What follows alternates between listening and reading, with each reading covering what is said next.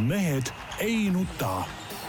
selle eest, et mehed ei nutaks, kannab hoolt Unibet, mängijatelt mängijatele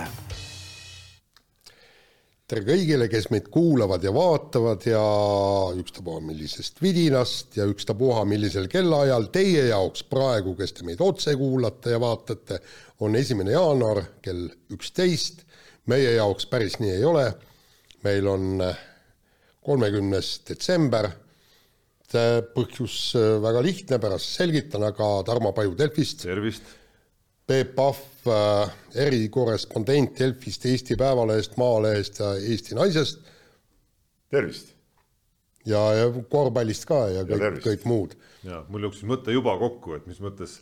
ei, tal oli, Eesti Naises oli ju artikkel. ei, ei, me selle peale mul ei jooksnud juhe kokku, mul jooksis juhe kokku sinu sissejuhatuse peale, et mis mõttes, kes te meid otse vaatate et äh, esimesel jaanuaril, kes käivitab saate üksteist null null, kes üksteist null seitse, kes. Äh, null on ikka õige ja õige vaatamisaeg. absoluutselt. Okay, see oli neile, kes ikkagi sekundi pealt no. Äh, vaatavad, vaatavad kella, ütleme siis ja, ja just sel hetkel vajutavad play nuppu, ükskõik kas siis podcast'i player'is või, või video player'is. just, nii, Jaan Martinson Eesti Päevalehest, Delfist ja igalt poolt mujalt et põhjus, miks me kolmekümnendal teeme, on see, et, et hakkavad nässistuma siin eh, teatud kodanikud, ei taha tulla otsa, otse-eetrisse esimesel jaanuaril huvitav, et see, miks sa mitmuses räägid, sa siin on nagu ühest. no sina ka ei tahtnud tulla ja no, oi, küll sul oli ikka nina oli ikka väga vingus no,. ma lihtsalt eh, Peepu tahtsin nagu hoida, ütleme niimoodi, hoida hoida, et ta ei, ei läheks esiteks A libedale teele ja,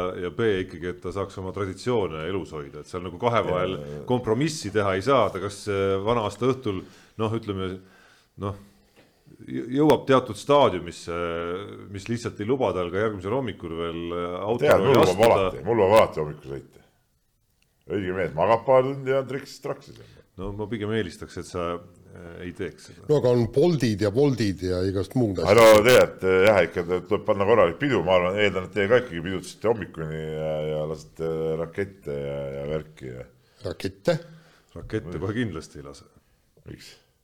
rakette lastakse tea, kuskil Las teatud ukrainlased lasevad venelaste pihta neid. absoluutselt, tuleb ikka teha. tuleb.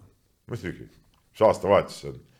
mis ma ei saa aru, mis täiesti ajuvabas, ajuvabastanud on mingid inimesed, kes räägivad, et ärme lase ja ärme tee ja mis. ei no isegi kui sa ei räägi, et ärme lase, isegi siis ei tunne nagu erilist vajadust, ammu juba, et miks, mis tast ikka lasta siin. lapsepõlv on läbi saanud meil. no palju õnne teile, kui räägime nässistumisest, siis ma näen siin kahte nässi, kes tõesti elavad väga igavalt ja no Tarmo on eluaeg nagu pulberkuiv inimene olnud, aga no Jaan ka on muutunud selleks. et noh, väga raske sellist elu elada, tunnen kaasa teile nii, aga meie, aga meie aastalõpusaade, mis on tavapärasest pikem, on äh, juba neljateistkümnendat korda. kuulutame välja aasta tähtsündmused ja see on absoluutne tõde. ja vaatame veel spordiaastale tagasi, meil on top kakskümmend viis, peale selle on meil eriauhinnad, vaatame tsipakene ka maailmasporti. ja, ja nii see saade läheb nagu, nagu tavapäraselt. on Tarmo sul midagi juurde lisada, mille ma olen oma nässistumisega ära unustanud. ja no juurde, esimene juurde lisamise repliik tuleb sellest juba, et, et võttes lahti siis eelmiste aastate esimese jaanuari saate äh, võitjate nimekirja, siis, siis vaatab sealt vastu juba teadmine, et, et see esimese, esimese jaanuari saade, mida me praegu siin teeme ja mida te kuulate või vaatate, on juba neljateistkümnes läbi aegade. see kõlab kuidagi, kuidagi paljuvõitu et on tehtud seda saadet juba omajagu aega. jah, aga noh, saab veel teha võib-olla. ta siin lõpp, lõplikult eh, närve seest ära ei söönud, tead, oma jamadega, oma kuivaks olemisega, tead noh. no ma ei tea, mis, kumb see, kumb see enne nagu juhtub ikkagi, kas eh, mis pidi see asi nagu läheb, et Peep tuli täna ka siia stuudiosse ja, ja no ikkagi suht tühja tähe peale, ütleme nii, et olid endast väljas. tühja tähe peale? noh. noh on, noh, käekeldremont. ja, et tulemata, ja, et tulemata põhimõtteliselt ei jäänud, et ma arvan, aasta või paar sellist äh, nii-öelda progressi veel ja, ja ütleme selliste pisiasjade peale nagu see, et su kell on remondis sa ei keeldud saatesse tulla. kuidas saab nii olla, et, et üks ettevõte kolmekümnendal ei oska uksed kinni panna, suletud no.. mis, mis täna mingi eriline päev? homme on eriline, täna on Ei, tavaline tööpäev. homme. on tavaline tööpäev laupäev lihtsalt, kolmkümmend üks õhtul, ütleme kella kolmest hakkavad, Lühendatud, hakkavad, ametlikult. hakkavad pidustused pihta. ametlikult on tegemist lühendatud mis kellast tööpäevaga, laua katate? ametlikult on ma tegemist, küsin veel kord, mis kellast laua katate? pole mõelnudki ausalt öeldes, mingi hetk on plaan part ahju panna, eks see dikteerib. Kuule, muide. miks tuleb. part, esiteks punkt üks, part ei ole sedavõrd maitsev kui hani, ta ei ole piisavalt rasvane ja teiseks tal on ainult, on kaks koiba ja rinnalihased, kõik seal, seal nagu rohkem muud ei ole. sa ostad selle raha eest luid ja konte kokku ainult. nii, nii, aga kui sa võtad hane ja, ja kui küsid minult retsepti, vot siis sa saad nagu õige asja. okei, okei, et võib-olla veel tuleb täna kolmekümnendal oma plaanid ringi teha ikkagi. no Jaani retsepte ma muidugi ja nõuandeid toidu osas võtan kuulda. see ei ole mingi plaan, kui te räägite mingist toiduretseptidest. See just ongi plaan. plaan on see, et, et Hea kes söök tulevad kuhu hea söök- tullakse. hea söök ja hea vein ja hea saun, ma arvan, põhilised osad vana aasta. põhiline osa on ikka hea seltskond. no see on nagunii no aga see, see peab olema ikka nagu seltskond koos nagu. no ja noh, möll peab olema korralik, pidu peab olema ikka nagu pidu noh, millal esimene gramm sisse läheb? kohe kui algab üritus. Mis kell see õige kellaaeg on, et oleks selge ka ikkagi siis kogu Eestimaale. ausalt ma praegu isegi peast ei mäleta, mis kell see ei no algus mis see on. õige kellaaeg on, millal tuleb alustada? kuskil seal no viie-kuue aeg võib-olla noh. arvan, et viie-kuue aeg jah, see on, ma arvan, et on, on, on paras aeg noh. miks ka mitte noh. nii, aga no meie saate ülesehitus näeb siis äh, selline välja, et sissejuhatuseks me läheme selliste aasta eriauhindade teed. ütle vahele, Kus kell kuus praegu võtsin ürituse lahti, Facebookis on see oma üritus, nii, kell kuus on algus. Ja kell kuus kohe, võib-olla teen kodus juba väikse soojenduse alla, ma vaatan. kell kuueni malda nagu oodata. üks hea jõuluporter ära juua enne. Ei, porter, ma mind porter Peep ei hakka raiskama, Peep ei hakka raiskamagi, ma arvan, oma neeluorganite ressursse selliste jookide peale, kus promilli on vähem kui nelikümmend. ei, ikka, ikka teeme, sest et ega siis midagi on vaja ju peale ka neljakümnesele võtta, noh, mingisugune õllelonks või midagi, tead, noh no see on ka ainus erand, mis sa teed. no ja siis saunas ka, me teeme kindlasti, sa oled selles õige, saun peab olema, tünnisaun, ütleme kõik need peavad olema nagu täidetud, need asjad. noh. no seal on juhtunud ka vahest nii, et mõni kell kaksteist nagu täpselt ei teagi, et kell on kaksteist, aga minul pole seda kunagi juhtunud. Ei ole, jah? ei, selle peale võin küll mürki võtta. nii, nii no nii, Saate üle- ühesõnaga saate sissejuhatuseks me jagame natukene eriauhindu äh, lõppenud äh, ja selja taha jäänud spordiaastast äh, ja, ja mulle tundub, et vaadates sellele nimekirjale otsa, oli suhteliselt, suhteliselt palju värvikaid sündmusi ja, ja värvikaid figuure ka. vastupidi, ma just ütlesin saate algusest, et tundus, et eelmine aasta ei või see lõppev aasta ei olnud äh, väga, väga, väga sihuke värvikas. No tegelikult võib-olla värvikas ei olnud, aga sündmusi oli piisavalt ja, ja ma ei ütleks, et, et oleks olnud mingisugust noh, niisugust sündmust, mis oleks kandunud aastatesse ja aastatesse, aga Eesti spordist praegu. Eesti spordis jah, aga, aga samas, samas äh, nii-öelda tugevaid keskmikke oli palju. ja, ja siin meil läkski vaidluseks, et kuidas neid järjestada, mis peab olema eespool, mis tagapool ja ja noh, eks seda vaidlust tuleb meil, aga, aga nii need asjad on, et kakskümmend viis paremat, aga nendeni jõuavad äh, asjad siis veidikene hiljem ja Tarmo, eriauhinnad alustuseks. jagame natukene eriauhindu ja, ja kommentaare ka sinna juurde, aasta staari auhinna jagame kõigepealt välja ja, ja see läheb Gerg Riisale, kes siis paistis silma nii Luka Dontšitšiga trash talk'i äh, tegemises kui, kui tegelikult ookeani taga noh, veelgi rohkem ülikooli korvpalli suurima sitapea tiitli vääriliselt põhimõtteliselt siis äh, ka show tegemisega, lisaks sellele, et, et mängupool käib ka seal juures. Noh, kas see nüüd ütleme sihuke staari, aasta staari auhinda väärt on, see on muidugi omaette küsimus, tähendab, see on mingi Tarmo, Tarmo Ei, ei, tõlgendus no siin. oo, ei, tähendab, ma, ma, ma ütleks seda, et tähendab, Kriisa enda arvates oli ta tõesti ülisuur staar ei no Kriisa Ei, no tubli mitte poiss, ainult mängis selles kossu tublisti ja kõik on nagu hästi, ei no aga ta teeb seda poolt ikkagi, mis, mis ka nagu spordis on omal kohal, et jah, kuskil on Roger Federerid, kuskil on Pete Samprased ja siis kuskil on Zlatan Ibrahimovitšid ja Gerg Riisad.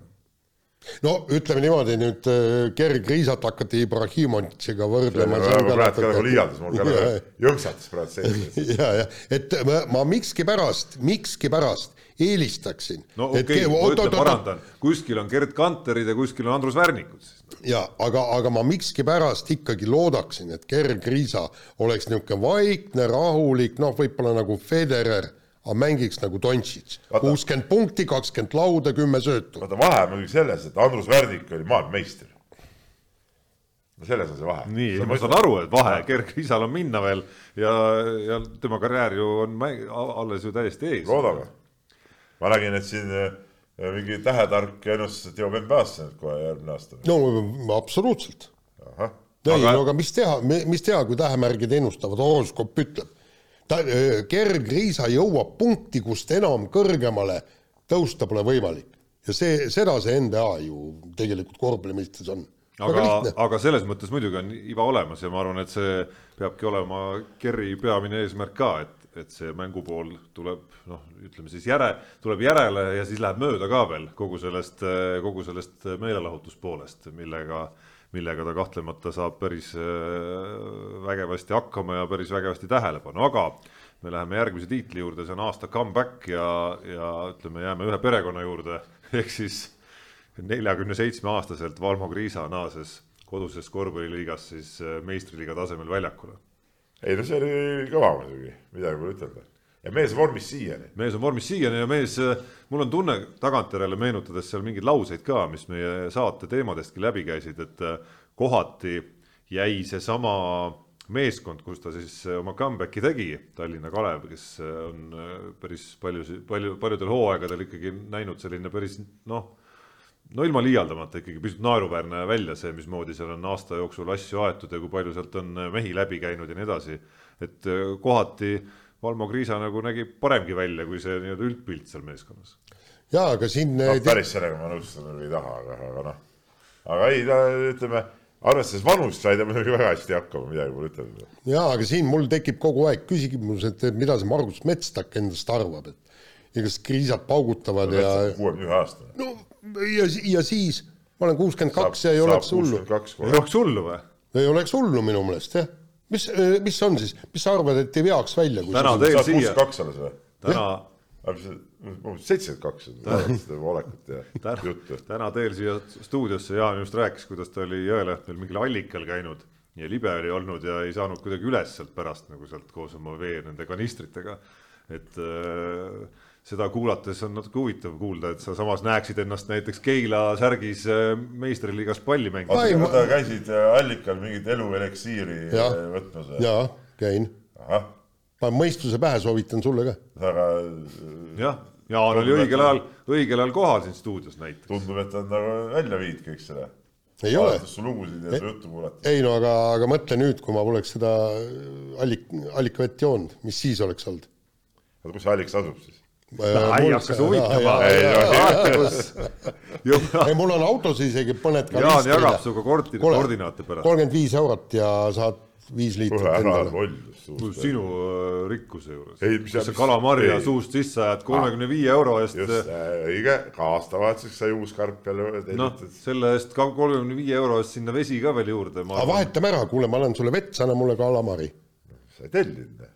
ei, ei, no vee vastu, sa ka ei vett. vii vastu. kuule, see vesi on palju väärtuslikum, Peep, uude aastasse hoopis uue energia praegu. mul on ämbrid on räästa all, mul on vett tapab tead noh. vot see on nagu õige, õige eliksiir, mis sealt tuleb. seal on männiokastest läbi imbunud siuke tead, siuke mõnus tead.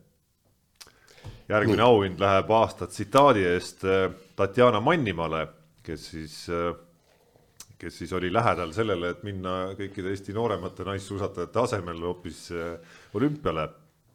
ja kes äh, on öelnud siis, et noored peaksid rohkem trenni tegema, samas vähem sotsiaalmeediale ja telefonidele aega kulutama, lihtne ja, lihtne ja tabav ja, ja võimatu ja, ja ebaloogiline, sest, sest paraku nagu kes, kes Oota, mis ütles, kes see oota, seda ütles vist Erki, Erki Nool või kellega ma, kellega ma rääkisin, ta ütles, et, et nüüd on asjad kõik, et me, me enam seda telefoni ja netihullust enam äh, kaelast ära ei saa. tuleb lihtsalt sellega ep- leppida, kusjuures mul oli äh, trenni see ei sega ju, trenni ei võeta neid kaasa. No normaalsesse trenni. jaa, aga, aga see on see, et, et kuidas sa trenniks valmistud, ma äh, kuulsin just eile, ajasime ka juttu ja räägiti, et, et milleni see hullus on läinud, meil on täiesti, tähendab, ühesõnaga sportlased, kes lähevad eh, võistluste starti niimoodi, et jäävad starti ilma, hiljaks sellepärast, et on vaja mingisugust mängu veel mängida mobiiltelefonis. no, no see on täitsa ebaloogiline. korvpallis äh, ja spordimaailmas on ju üsna tavaline, et isegi väga säravad staarid lähevad vaheajal, vaatavad, mis Twitteris või, või mujal No sotsiaalmeedias on. ja kusjuures päris tihti väidavad, et nad saavad sellest nagu lisamotivatsiooni ja tõmbavad tänu sellele käima vaheajal kõigepealt mehed lähevad riietusruumis, need peavad ootama peatreenerit. ja sel ajal on telefoni. ei, loomulikult mitte. aga kui Steph Curry mängiks Keilas Noh. ja ütleb, et nii, et mina, ma kasutan seda, mis sa teed siis? platsil ei saa, lihtne. okei okay.. istu siin riietusruumis edasi. no mis see on siis? ei, ei, ma lihtsalt mis tema, tema jaoks on mingid teistsugused reeglid või? ei ole ju. et Steve Kerr on äh, noh, ei jaga asju. no tundub küll, mulle tundub küll, et on nagu nõrgaks läinud seal jah. No ma kusjuures tõsiselt rääkides, ma kahtlustan, et mingil hetkel äh, see pendel hüppab jälle kuskile nagu muusse serva nagu tagasi. ehk et äh, noh, väga palju on hakatud rääkima ja aina selgemad andmed on ka olemas sellest, kuidas siis see noh, eriti veel lapseeas ja esimestel eluaastatel nutiseadmetega nagu liiga palju tegelemine siis ajule päriselt nagu mõjub. ehk et ma kahtlustan, et äh, läheb natukene aega mööda ja me näeme mingit seda äärmust, kus moeasjaks läheb võib-olla hoopis see, et, et me ei kasuta neid. Ma küll ei välistaks seda. no No, vaata see, on optimistlik vaade võib-olla natukene sinisilmne, aga see, ma ei näe siis midagi head nagu. miks? mis mõttes? noh, nutisõltuvus ei ole hea. ei nutisõltuvus, see, et me üldse kasutada ka ei ole hea. ei no okei okay,, üldse ja. või noh, mingid, mis ma pean lapsele panema mingid, et päevas või tund aega kasutada, see on debiilsus ju, see on täiesti debiilsus ju. kasutab, palju ta kasutab seda, aga lihtsalt sa annad talle mingeid muid tegevusi, ta ei saa kogu aeg kasutada ja ongi kõik, no mitte mingid, mingid piirangud ei ole mõtet panna, no see on nagu totter, vaata see on sihuke jälle sihuke, sihuke euronoorte maailm, et saaks nagu normaalset elu nagu piirata. sa ise oled ka nutisõltlane olen või? no mis, mis sa isegi saate ajal on su telefon lahti siin laua peal. telefon ei ole lahti, Peep. no seal ma näen küll sa vahepeal, sa loed neid push'e, mis tulevad. kas see on normaalne? ei, kusjuures sa täiesti valetad praegu, kusjuures. Neid ma küll ei loe. aga miks see lahti on siin laua peal siis? kusjuures see on mingi harjumus, mis on jäänud natukene sellest, et saate ajal, kui me oleme otse-eetris, et siis võib tulla siia midagi, mis puudutab otseülekannet, noh näiteks kasvõi mingi tehniline tõrge issand õrge, vot selle taha on hea pugeda. nii, järgmine tiitel, see läheb jagamisele, aastapaarid Eesti spordis. Anett Kontaveit ja Brent Lepistu, Eva-Lotta Kiibus ja Martin Liiv ja abielu sadamasse jõudnud Regina ja Kalev Ermits. no ütleme, et ootame siis ülejäänud paaridelt ka abielusadamasse sõudmist. sõudmist jah kusjuures,, no muidugi. no sõutakse abielusadamasse. ikka, ikka. jah, et äh, ütleme, ootame, et ma ainuke asi, mis, mis on Ruupolding, mis Pärnu maantee saks ei kõlvanud siis või? no või Elva lasketiir näiteks. ei, ei, no abiellutakse ikka saksis ikka. õnne pole ees või? no muidugi noh no kuule, mis sa jama. ja, ja kus oota, siis? Mis Oota. sa ütled, et ma tegin midagi valesti või? ei taha öelda, et sa midagi Nii. valesti tegid kus sa ise aga öelda, et ainult, et ainult seal peaks abielluma, sa ise abiellusid? et öelda, et ainult seal peaks abielluma, no ma küll ei näe põhjust, miks. ei julge vastata. ei, miks ma ei julge vastata, esiteks sa tead väga hästi, kus ma abiellusin. Ei, no mis puudutab seda- konkreetset no. abiellumise akti, siis see toimus notari no no seda tahaks Aga- ütelda. aga see lisaks- ei aga see lisaks- ei ole ju üldse minu silmis, ta ei ole ka abielu. oota, mis notari, Aga ma ei saagi aru. Väga äge notar, et õnnitan ole teda kusjuures meie kuulaja perekonnaseisuametis, ei ole see asi tehtud, siis see ei ole nagu õige. Oled see on nagu kindlasti- sihuke, see on nagu mingi puusõrmuste andmine üksteisele. sa oled kindlasti käinud ka pulmades, kus äh, see akt nii-öelda tehakse koha peal lausa seal kuskil metsade ja vahel. ma tunnistan, et mul, Ja mul hea sõber, hea sõber tegi, aga seal ju, okei okay,, koht oli vähemalt ilus ja see ei olnud mingi notar. ja seal tuli ikka per büroo inimene tuli kohale nagu. ma olen siin, ei tea, ei leia selles äh, büroos, käisin seal hiljuti ja pean tunnistama, ei leia selles olustikus küll mingisugust võlu. ei no jaa, aga nagu see on, seal saab registreerida, ega see mingi notari juures, see ei ole õige. miks ei ole õige no? ei ole. miks? ja kus see on siis noh? ei no Miks ei nota, ole? notari juures juures on mis mõttes? On naise või? mingi on kaks inimest on kaks inimest, kes armastavad teineteist, on otsustanud äh, abielluda. on inimene, kes fikseerib selle ära, mis mõttes see siis kehvem on? abiellumine, mis nüüd fikseerib ära noh Noh. ütleme, kui äh, siin ma ei tea, Ants ja Peet, ütleme Ants ja Tiiu tahavad abielluda, siis äh, äh, ma istun siin ja siis äh, ma fikseerin selle ära või? no seadusega on antud äh, mingitele inimestele see voli vot, see siiski fikseerida, mitte, mitte sulle näiteks. see on vale seadus. Õige No- seadus ikka per. nota-, notari juures, kui sa tahad osta maja, vot siis lähed notari juurde.. või testamenti. Testament on tehtud, testament ei ole tehtud. sul on või? ei ole. aga mis sellest lähed nüüd perekonnaseisuaktidesse testamenti tegema ei? no perekonnaseisuametis ei ole mul üldse plaani minna, nii et muuseas, aga uuel aastal mind ootavad ees ühed pulmad, mul on kutse taskus juba, vot juulikuus. väga vägev, no kuule, sinna on nii kaua aega, tead, Margus poiss äkki ei, teeb seda aga rõõmu,, aga üks minu korvpallipoiss. No nii. nii, kuule, tänapäeval on ju see poole aastaga võivad asjad palju muutuda, nii et. Ei no minu arust seda pulma ette valmistasid juba praegu juba kolm aastat. ja nüüd see lõpuks saab teoks, see on võimas. ta muidugi ei tea, millega ta riskib, olles kutsunud oma treeneri sinna pulma kohale, et et ta mõtleb, et tuleb selline nagu nooruslik äge üritus, aga sealt tullakse mingi kolmkümmend aastat vana, vanade mõtetega ja kommetega. ikka, ikka.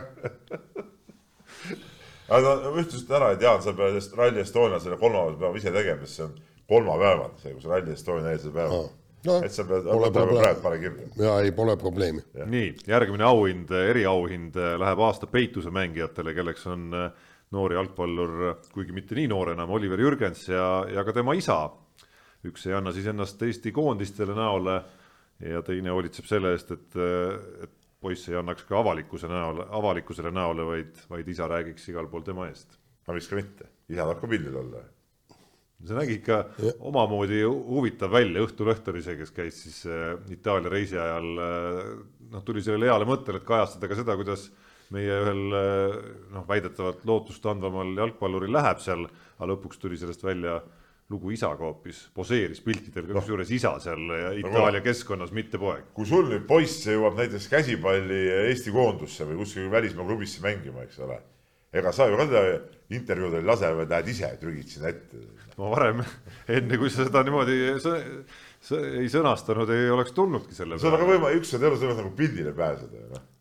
jaa, aga tegelikult eh, kogu, kogu see asi ja kogu see jama on ikka täielikult totter, kui meil peale, Jaan räägib ka Jossist kogu aeg, kas sa oled näinud Jossi kuskil eriti midagi rääkimas, aga Jaan räägib Jossist ju kogu aeg. ei no ma olen ikka näinud Jossi ka rääkimas seal oma fotolugudest ja sellest, kuidas ta on pildistanud siin ja seal suurvõistlusi. võrreldes nende on kordadega,, Jaan on äh, lasknud ikkagi mingid libastumised läbi. no ütleme seda jah, et Jaan nii vana mees juba, eks ole, ta ei jõua kõik kontrollida, aga üldiselt ta üritab ikka ise Jossi eest ka rääkida. jaa, aga tegelikult noh, ma veel kord ütlen, et, et kogu aeg tegelikult on see ikka täielik totrus, mis siin nüüd toimub ja kusjuures mõlemalt poolelt, sest ma ei oska õigust anda ei Jürgensile, ei Jalgpalliliidule, et, et, et seal, kui ta tõesti niivõrd hea mees on, siis ta peaks olema ju koondises, aga mitte teda toppida U kaks, kakskümmend üks koondisse. ei no kuidas teistele samavanustele, kes on ka justkui sama head, kõlbab vajadusel ka U kahekümne ühes mängida. Ei no jaa, aga, aga samas Ja tulla ja näidata siis seal kas Tarmo aga siin tulebki leida kompromiss. kui, kui mängija on endast niivõrd heal arvamusel, mis me siis jätame ta koondisest välja või? kui ta tegelikult on nii hea mees, kes veaks täiskasvanud nojah, aga sa pead tõestama seda nagu kuskil allpool enne, kõige... enne kui sa saad päris koondise kutse. kuule, ei oot, oot, aga sellel tasemel, kus tema ennast tõestab, on igast mehi meil koondisse jõudnud või on veel, veel kehvematki tasemelt. ja vaata, Tarmo, seal on ikka natuke ikka Kuule. Kiusu või vingu ka nagu sees, nagu ma kuule, see U kakskümmend üks, vaata, tähendab, see on see, et, et see ei ole individuaalsport, see on meeskonnasport, eks, ja kui sul on kõrval kümme mahlamütsi ja, ja, ja sul on vaja, kui sa oled ründaja, sul peab olema mees, kes sulle söödaks. kui niisugust me, meest ei ole, kuidas sa saad midagi teha? see, see ei ole ju tänapäeva jalgpall, see lähed, võtad keskringist palli ja, ja purjetad värava alla, lööd väravale. No minu arust on ükskõik mis Eesti spordialal, noh, räägime pallimängudest praegu äh,. Peep, sa mäletad näiteks väga hästi seda, kuidas toimus korvpallikonverents ja seal, ma ei mäleta, kas selles Jorge Carbajosa intervjuus oli sellest juttu või mitte seal laval ka, või, või tegelikult oli see jutt rohkem jäi kaadri taha, kui ma, kui ma seda intervjuud ette valmistasin ja temaga telefoni teel kõne tegin.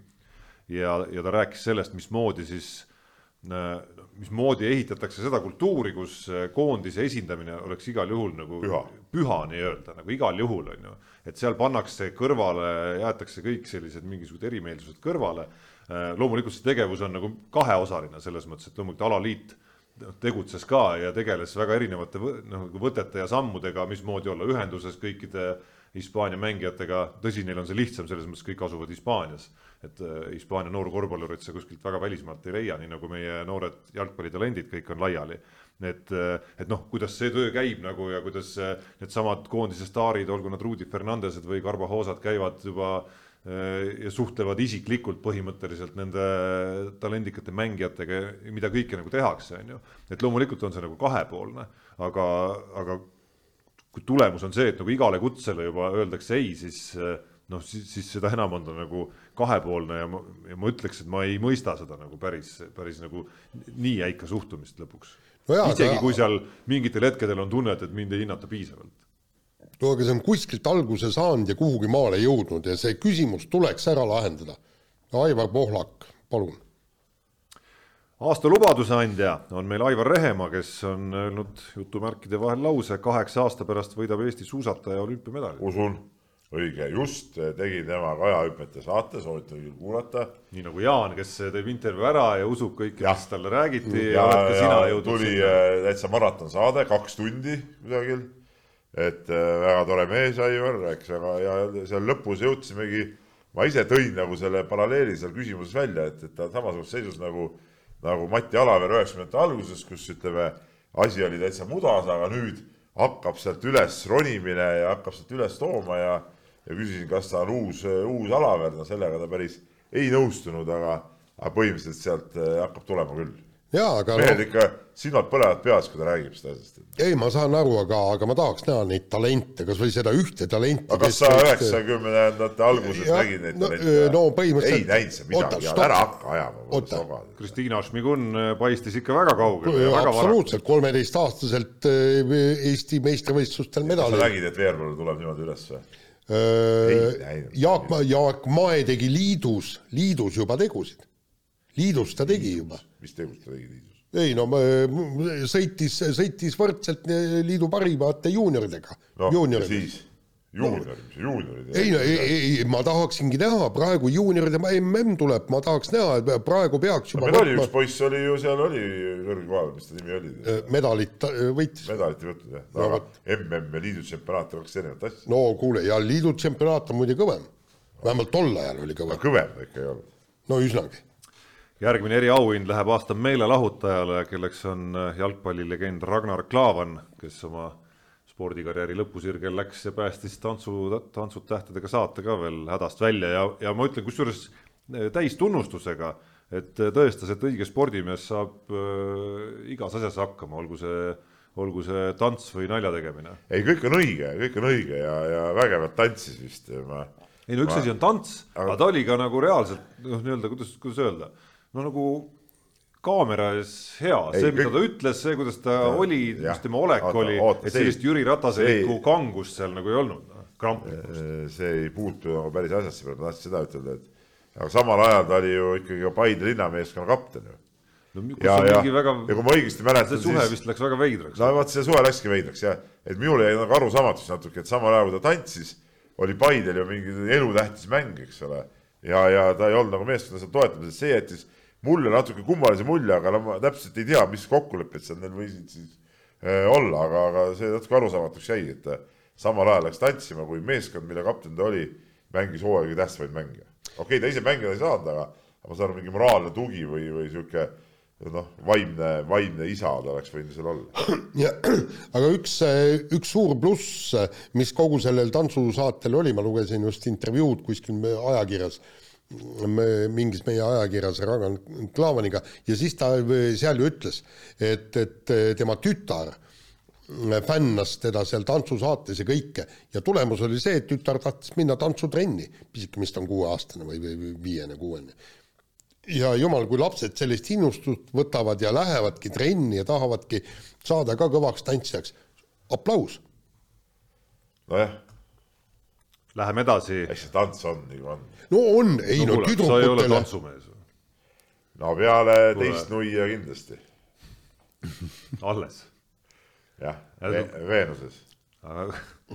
kusjuures keegi, keegi rääkis hiljuti, et, et Veenuses oli mingil õhtul mingisuguseks löömaks ka läinud. Mina rääkisin sina, sina käisid ei, seal. ma ei käinud seal, ma ei saanud sissegi mööda. oota, miks sa sisse ei saa? sellepärast, et seal see möll äh, käis seal oli politsei kuidas, sa sellise asja maha magasid? tahtsin, ma tahtsin ise ka mina nukke lihvima no ma kaht- kahtlustan, et sul oleks väga, oleks tundnud koduselt, ütleme. ei, ei, ma, mina, ma olen, mina jokis peaga ei muutu agressiivseks, ma muutun vastupidi nagu, nagu ikkagi nagu seltskondlikumaks veel.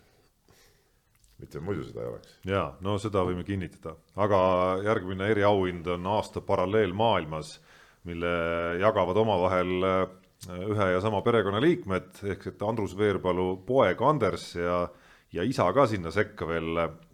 Anders siis viskas aasta jooksul Tiktokis nalja, leidis huvitava teema, millel nalja visata. kuidas Suusaliidul pole raha mind võistlema saata, küll aga dopinguproove võtta aga kas sa ei naernud selle peale siis? noh, mingil moel võib-olla tõesti võib seda, võib seda ka naeruks nimetada. ja Andrus Veerpalu siis lausus Lembitu Kuuse mälestuste raamatus laused, kui sulle üritatakse üksnes ära panna ilma sinupoolseid vastuväiteid arvestamata, ei tahagi enam ajakirjanikega suhelda. milleks? ja tead, mul kogu, ei no kõik on õige ja ta tõestas ka seda, korduvalt tõestanud, et ta ei taha suhelda, noh. aga milles, mis see, milles me teda süüdistame nüüd siis? ei süüdistagi. Aga- ongi oma maailm. jah, ei, aga ei, aga vaata, seal, seal on noh, nagu ma saan aru, et, et noh, et äh, Veerpalu poeg ju jäi vahele Seefeldis äh, dopingu tarvitamisega või No teine poeg. Mitte see poeg. mitte see poeg, aga teine, teine poeg just. ja, ja kusjuures ise, isa veel aitas oota, tal kas siis verd, kas vahetada. siis äh, venna ja isa pattude pärast peab äh, teine poeg ka kannatama? ei, aga, aga ta võitis. et lasetakse raha dopinguproovide peale, mitte võistluste ei, ma tegelikult äh, miskipärast mul on, jääb niisugune mulje, et kogu see kamp seal ei saagi aru, et, et mida on valesti tehtud. No ei olnud midagi valesti või? aga mis valesti on? nojah, minu veri Jah., tahan aga mis me, aga mis me võtan ööma välja, välja, panen panna sisse. Ma ei. tea, tahan panna Jaani sisse, tahan panen seina sisse, tahan panen enda sisse, noh, mis noh on, nagu näha, me saame sinna sellesse eriauhinna maailma, paralleelmaailma lülitada veel Peebu ka juurde. aga seal ei mõeldud siis vahepeal, sisse-välja. ei, ei ole ette tulnud jah. et no ma ei pääse sinna maailma mm.. Aga noh, eks sa oled ka meie, selle- minu ja Jaaniga võrreldes ütleme, noh, ongi nagu teine level, sa oled ikkagi nagu seal ütleme, ütleme spordi olümposel põhimõtteliselt ikkagi tegutsed ja, ja teed nagu suure spordi asju, noh, kõik, mida me näeme seal Lance Armstrongi filmist ja, ja, ja nagu nendest sfääridest, FIFA sellest eh, nii-öelda altkäemaksu kogu kõikidest jamadest. et sina oled seal kõik sees. Peep on tegelikult seal, et ma ei tea, mis sa kellaparandusest käid, kui kell ei tööta enam, lähed ostad uue. kalamarja sööd juba noh, lusikaga. kalamäär on lihtsalt hea. varsti valad ämbrist, varsti ämbrist kulbiga noh. ei, miks kulbiga? vaata seal, mis on kalamäära söömine, sa võtad selle väikse teelusikakesega, võtad sisse, ampsti ja siis lased need eh, ükshaaval need eh, terakesed suus katki niimoodi, et ülimõnus. nii, järgmised on, on, noh. järgmine ei vaidle nominent, järgmine nominent Mehed ei nuta aasta eriauhinnale on aasta keelepeksjad, kelleks on siis Soome ralliallikad eesotsas rallimänedžer Timo Jouhkiga, kellele kuulub muuhulgas ka pealkirja lause Ott Tänak ei meeldi reatöötajatele ega ka tiimijuhtidele. aga mulle ei meeldi see, see Jouki ka, see meeldib ainult Jaanile.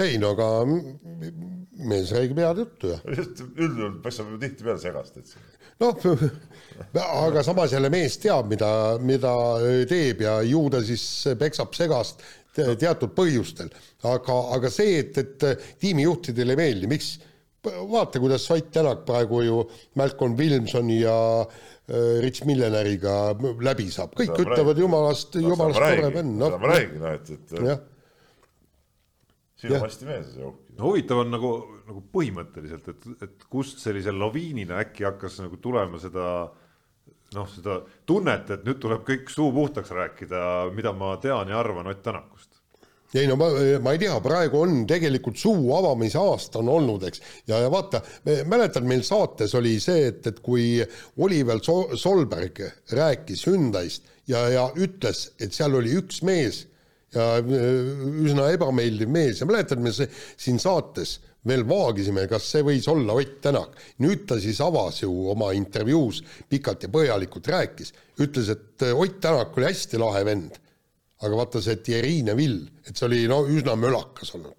nii, et te, tegelikult Ott Tänak läheb, Ott Tänak saab Ožeega läbi, saab Oliver Solbergiga läbi, saab tüüpidega. saab vana Solbergiga hästi läbi. jaa, ei absoluutselt, muidugi. sõbralikult, jah et see, et keegi ei saa Ott Tänakuga läbi, see on tema enda probleem. see, see on, tähendab, sealt oli kohe puhtalt näha, et äh, minu meelest, et Jari-Mati Latvale, kui ta hakkas põtkima seda Ott Tänakut, et ei ole hea, kui ta Toyotasse tuleb, nii edasi, nii edasi. et ta nagu noore tiimijuhina, ta pelgas Tänakut, et tuleb mees, kes on tulnud maailmameistriks, erinevalt temast, eks, endast ja, ja hakkab nõudma, et tehke nüüd korralikult tööd, sina oled tiimijuht, olgu see olla, too olla, et see, see on tõesti palju mugavam, on ju äh, asju ajada nii, et äh, niisugust meeletult nõudlikku perfektsionisti sul meeskonnas ei ole. palju lihtsam on elu. aasta Jõmmi tiitel läheb Nikolai Novosjolovile, kes äh, teenis tütre vehklemisvõistlustel musta kaardi ehk juhendamiskeelu, sest ähvardas kohtunikule noh, kõige lihtsamas keeles lõuga anda, nii ütleski. no aga kui kohtunik ajas ta endast välja, mis teha? sa kogu aeg ähvardad sama. ma ükskord juhtus selline asi korvpallimängu ajal, et eh, nüüdseks eh, eh, meie seast lahkunud legendaarne kohtunik Jüri Belov oli veel rummul vidistamas mängu, mingi teise liiga mängija, pani seal mingit täielikku kahera ja siis, siis ma ütlesin talle ka, et, et, et kurat, kohe tulevad äh, mehed sealt rummust teiselt poolt maanteed sealt, et midagi hästi see asi ei lõppe. peaks seal aasta aega rääkima. aga said tehnilise ka või? arvan, et sa ei ole uhke nagu tagantjärgi selle, selle ähvarduse. ei jaa, ma mõtlesin, sihuke asi nagu oli, ma kellelgi, mingi kohtunik lubasin autokummid ka tühjaks lasta Jaan, kus, kus, kuhu me kuhu...? ei no noored mehed olid, aga oli sees nagu jaa, aga noh, ütleme niimoodi, et, et see Novosjolov noh, ju tal sõitis kuppel peast ära, sellepärast et noh, et sa lähed sinna tribüünidele kõikide nähes ja kuuldes, tahad asju ajada, mine, mine ütle siis selle matši ajal, aga mitte pärast matši. või midagi, mine räägi kuskil omavahel nurgas, räägi asjad selgeks. ütleme see, et sa lähed närvi, kes meist ei oleks närvi läinud ja ütled midagi, mida sa ei taha, et sa oleks öelnud võib-olla, kui läheb mööda tund, poolteist või kaks päeva, see, seda on juhtunud ju kõigiga, ma arvan, isegi minuga, Peep. et aga, aga see, et sa veel nädalaid hiljem nii-öelda noh, protsessid selle musta kaardiga selle asemel, et öelda, et kuule, juhtus jah, vabandust, läheme edasi, et noh, seal on nagu see nii-öelda valik sul pärast, siis kui enam närv must ei ole. ei, seda muidugi, sellega ma nõustun aasta omamoodi elamus, veel üks eriauhind läheb äh, Lionel Messile, kes Eesti jalgpallikoondist kostitas viie väravaga. ma arvan, et see auhind päris... ongi Messi selle aasta suurim. ma arvan ka, seda MM-tiitel, see. kusjuures viis värav, viis kolli. kuidagi me peaks, äh, kuidagi me laseme Aivar Pohlakul või kellelgi kohale toimetada selle, selle auhinna kindlasti ka. Autoga viib kohale. ja aga, aga muide. Me... saab küll seni polnudki ju messil, eriti MM-idel, teab mis hästi läinud, ega. võib-olla sealt hakkas seda tõusma. ei, ei, see ongi selge, et lõpuks Eesti vastu nägi, ohoo, et ma suudan koondise eest ka väravaid lüüa, isegi viis tükki, kuule, et äkki ma proovin täpselt sedasama ka MM-i ajal. et Eesti koondis andis nagu tõuke ja andis enesekindluse messile. on ju nii? jah. nii on aasta tegija ja see tegija on äh, suurte tähtedega läbivalt kirjutatud äh, kogu oma, kogu oma võlus ja valus ja tähenduses, mida annab sellesse nimesse peita, on kahtlemata Aivar Pohlak, kelle aastasse äh, on mahtunud Kose volikogus toimunud kähmluse. enne kui sa edasi loed, minu arust see kõige, naljakam asi. Eelmisest aastast ma vaatasin seda üle ka nüüd. On naljakas, naljakamaid asju just sinna aastast. mahtus sisse isegi, tsiteerin, selline lause Eesti jalgpallijuhi suust. sa oled mm, tärn ja kaks n-i, punkt. tõmba oma püksid üles kõigepealt. õige aga mis on siis see oli ikka täitsa, ei no okei, tead see vastane on ka tore, ma seda vastast tead, tunnen ka, kellega ta seal selle sõna ütlemist läks, see on, see on tead tore mees muidugi, aga aga, aga see oli minu arust see Pohlaku värk oli naljakas oli ikka. nojah, aga kui sa lähed endas, endast välja, no mis teha, mingi nii- vend hakkas siin mööda nööpi üles ronima, noh. nii, aga Pohlaku aastasse mahtus veel, vot see on, see on kõva, see on kõva sõna. mahtus nii võrdlusi Kim Jong-uniga, mille autoriks siis Brent Lepistu, ka Vladimir Putiniga, mille autoriks Märt Roosna. ja kõigest, noh, kõigest äh, lihtsalt väga üleolemine, ehk siis, ehk siis maalida selline, maalida selline pilt, kus kus selle asemel, et rääkida Katari või FIFA altkäemaksu probleemidest, võiks keskenduda parem läänemaailma hukule ja, ja, ja kinoteatri kriitika, mis oli reaalsusest nii kaugel, et et omal moel Aivari reaktsioon näitas seda, kui, kui suur inimene ta tegelikult on. Et, et see on ka omaette kunst ikkagi, need nagu asjad nagu niipidi ei, pöörata. aga, aga olgem ausad, läänemaailma ütleme hukk on, ongi ju tead number üks asi. on või? ei ole sinu arust või? kõik see, kõik see. mis maailm see kõik see, siis, kõik see. Vene maailm on õige või see altkäemaksu maailm on õige või? Vene maailm, mis, mis sa jälle hakkad jälle mingit, mingit soga. Või inimvabadused on kuidagi nagu halvad. ma räägin kõik see, kõik see pehme löga, mis sealt äh, läänemaailmast tuleb, see, kuidas äh, mehisus ei maksa enam midagi ja, ja ja, ja kõik nii edasi, nii edasi. see on see. no tegelikult Tarmo, kui sa, kui sa oled nüüd lugenud tõesti noh, üle maailma öö, tõesti arvamusliidreid ja siis väga paljud just nüüd viimane nädal oli kuskil öö, mitmes kohas kirjutati, võeti kokku see asi, näiteks see kõik see majanduskasv ja kõik nad räägivad, et ei ole see, et, et meil ei ole see, see ei ole normaalne, et, et me peame mingisuguste aiapäkapikkude ja ühekordsete riietega eh, saama endale majanduskasvu ja pesumasinatega, mis täpselt nelja aasta pärast ära lagunevad, sellepärast et garantiiaeg saab eh, täpselt läbi, et see ei ole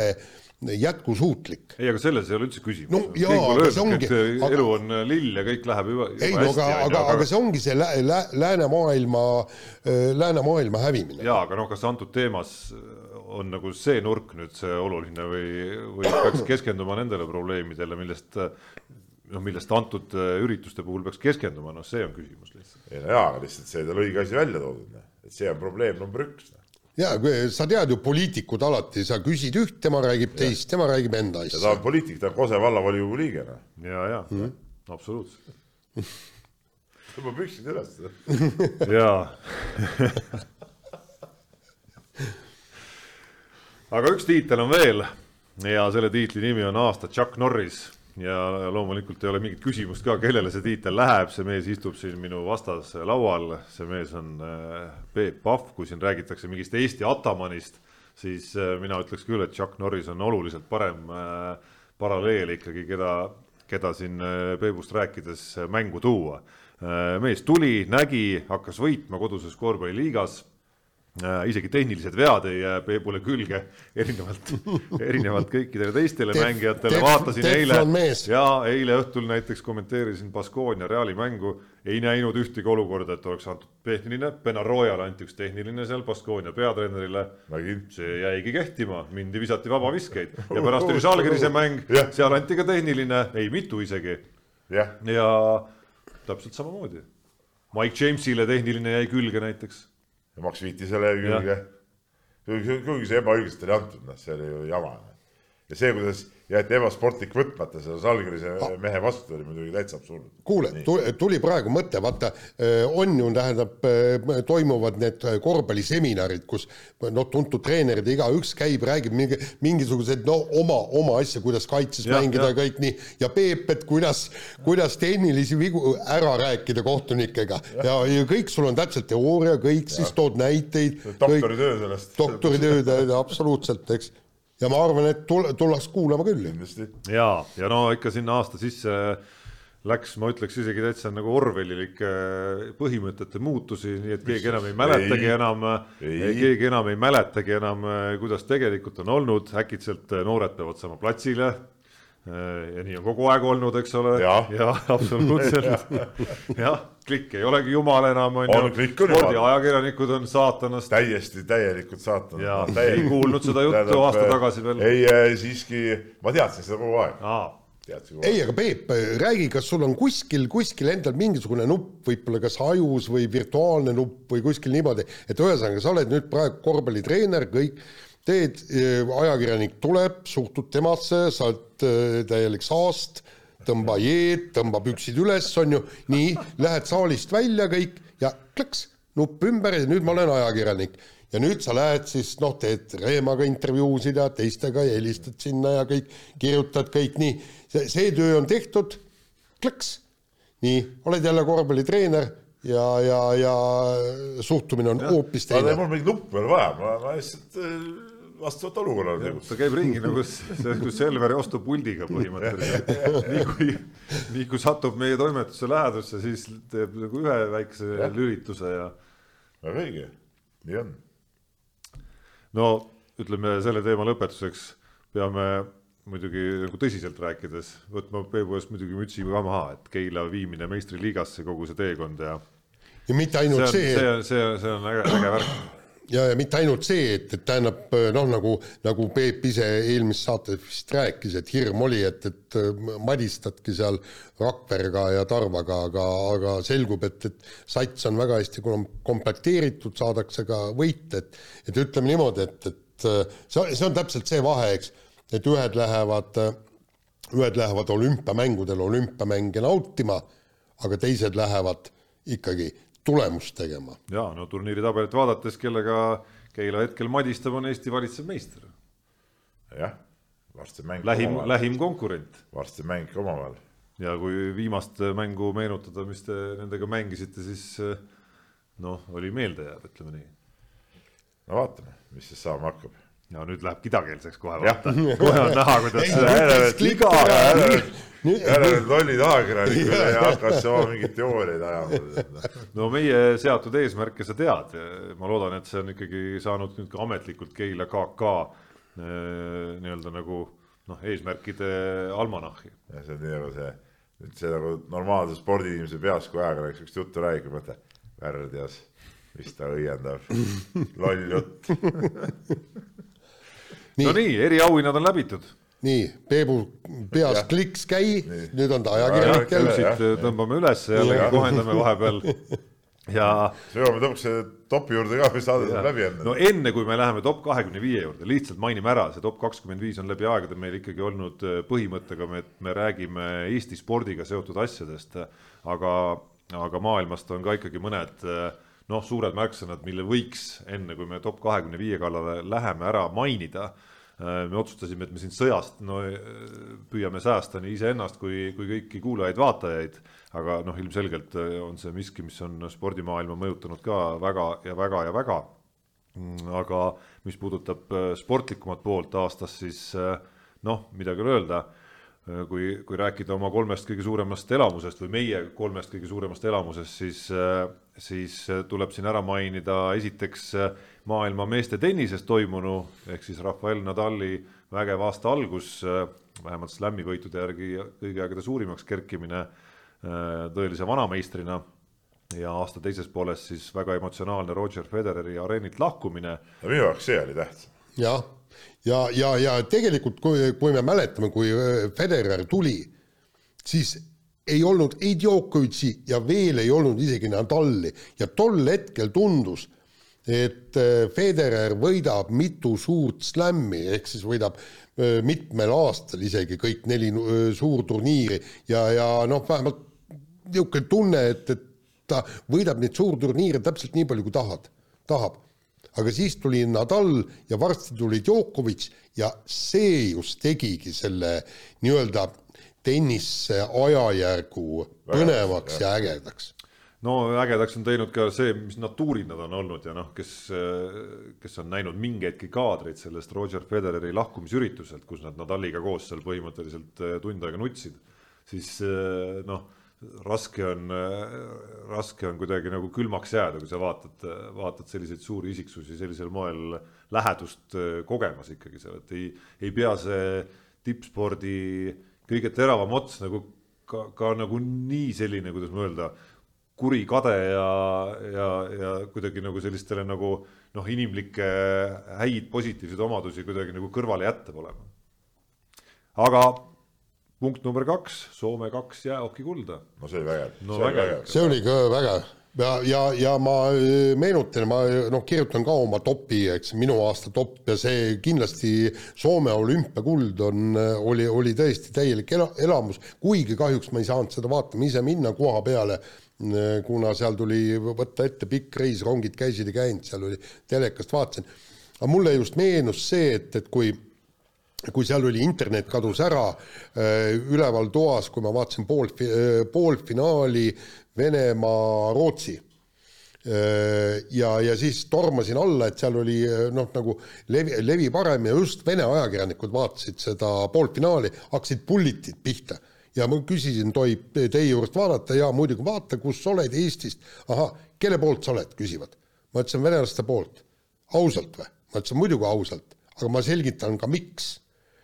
finaalis, Soome oli peab finaalis, põhjus on väga lihtne. Rootsiga võib tekkida Soomel probleeme, aga Venemaaga. See on täielik klient. Et, et seal ei ole probleemi, võidetakse ära. Ja põhimõtteliselt nii ta läkski, venelased ju läksid. ei no, ei no vaata, Venemaa läks üks-null juhtima ja, ja, ja see, see oli äge mäng ja, ja, ja, ja mis siis on siis, tähendab ja, ja, ja tuleb siis no enam mitte see kamp, aga tuleb no üsna sar-, samalaadne kamp ja paneb veel MM-i ka osad mehed olid ikka samad ka. ja osad olid samad, aga paneb ka veel MM-i ära, tead, noh. ei, vägev, see oli vägev, vägev. aga vägevuse tippu maailmast ja elamuste tippu kahtlemata läheb siiski lõpuks jalgpalli värske MM-i finaal. oli päris vägev spektaakel ikkagi. oli spektaakel, oli korralik jah, ja õige no, meeskond. ja pluss kogu see lugu seal, Messi, Messi võit ja, ja, ja, ja no isegi see toredus, et turniiri alustati ju kaotusega, et. Messi kerkimine läbi aegade paremuselt teiseks mängijaks ka. noh, ja, ja, ja muide Äh, kusjuures ma pean ütlema, see on üks kohti, kus ma Peebuga, Peebuga ja, olen nõus, kuidagi jube sujuvalt äkitselt äh, ka meie enda sporditoimetus kuulutas Messi kõige kõige parimaks. ei no kuule, meie sporditoimetus peale, peale minu ütleme äh, taandumist kord täiesti käest ära. ja Jaan ei saa enam nagu millegagi hakkama. Ja siis mingid noored ajavad mingit täielikku oolupit suust välja, no mis, mis, mis jutt see on, kus see Messi Jaan Möögi nüüd eh, Pele lahkumisloos suutis selle muidugi seitsekümmend viis korda sisse kirjutada, et, et, et Messi ei ole ikka parem kui Pele. ei, aga, aga tegelikult ma, ma, ma ütlen kõikidele, kes arvavad Messist noh, midagigi, eks, et, et olge head ja vaadake neid videosid lööge sisse Pele legendaarsed väravad, lööge sisse Pele parimad driblingud ja, ja, ja, ja vaadake, mida. saab Messist ka ikka. no ma ma ei ole, ma ei ole sugugi kindel ja kolmas asi. Brasiilia, nagu ma seal eh, järelhüüdes kirjutasin ka, ta oli lihtsalt tore meeskond kuni aastani viiskümmend kaheksa, kui seitsmeteistaastane poiss meeskonda tuli. Pärast seda võideti tosina aasta jooksul kolm, kolm meistritiitlit ja Brasiiliast sai Brasiilia. kes tegi, keegi ütles ka väga hästi, Pele tegi jalgpallist jalgpalli ja kuni Peleni oli number kümme, oli lihtsalt tavaline number. aga, aga sealtmaalt noh, oli, on number kümme täiesti legendaarne. kuigi ma ei ole ju Pelet noh, mul polnud olemaski, kui ta need tiitlid seal võitis, siis nende raamatute põhjal, mis ma lugenud, mul see, see Didi ja Vava, vaid need ja Didi Vava. millegipärast Garintša ja ja need, need mehed, ütleme, kuulad ka lemmik mängijate hulka, kogu aeg mänginud oleks läinud. aga, aga Peeburile lihtsalt meeldisid need nimed, nimed, nagu pingviinipoeg Loolo ja kõik, mida lastele ei no tollal polnud mingit Kuulama ei kuulnudki keegi midagi. Tostao ja kes seal oli. nii, aga tegelikult veel kord ütlen, vaadake, otsige, otsige välja need videod, just oli, oli kuskil keegi, kes see Mbappe oli vist, oli oma eh, Twitter või sinna, mis Instagrami üles pannud, et Pele parimad driblingud, kaks pool minutit. no täitsa uskumatu, mida vend teeb. täitsa uskumatu. no ma usun, et kaks ja pool minutit saab ikka päris paljude meeste esituses. Pele võlu on, ma arvan, see, et vajadusel saab kaks tundi ka. ei, ei, see oli kaks pool minutit seal erinevatest, seal oli umbes kolmkümmend. kuule, kolmekordne maailmameister, see teema sellega. Jah. nii, läheme top kahekümne viie juurde, olles sujuvalt äh, peaaegu tunnikese vist juba jah, no ja, aga nii on. kella ei ole ju noh, kell on remondis, ei saa vaadata. nii, aga meie top kakskümmend viis ja lähme siis kahekümne viiendalt kohalt äh, minema. aa, ma mõtlesin testida korra. Noh. me oleme pikalt rääkinud siin, testime meie Rubilniku mees Madist, et kas ta veel on nagu ärkvel või ei ole. kuule, lase, lase üks kõll. No, ei tukkunud.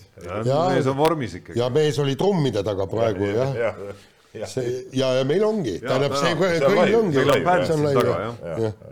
nii, aga nüüd äh, aasta spordisündmus number kakskümmend viis, et spordikultuuri oli ka äh, sel aastal kõvasti ja välja tulid äh, kaks suurepärast filmi legendaarsetest meeskondadest, üks oli siis Kalev ja teine oli Lõvid. et Kale-, Kalev muidugi just see Kalev, mis võitis üheksakümmend üks liidu meistritiitli, oli, oli, oli nii-öelda mängufilm, kuigi noh, dokumentaalsetel alustel ja teine oli Lõvid olid siis dokfilm. ma tahtsin öelda, et Jaan, kas ise oled emba-kumba filmidest ei näinud või?, ei, kas sa kavatsed äh, ikkagi nagu minna vaatama neid? ei minna kindlasti. ei, no Ei, lõvid olid meil oma Delfis, mis sealt ja, ja. aa, praegugi võid vaadata muidugi. no sa- sa ju tead, et ma ei, ma ei, ma ei, ma ei vaata filme, noh. Ma, ma, mul ei tule isegi see päev, no okei okay,, kinos käisin, mis olid, tuhat üheksasada üheksakümmend kolm käisin viimati kinos, aga üldse filmi, Rambot vaatasid või? ei, see oli õhuässad, vaata. Õhuässad kaks. oligi.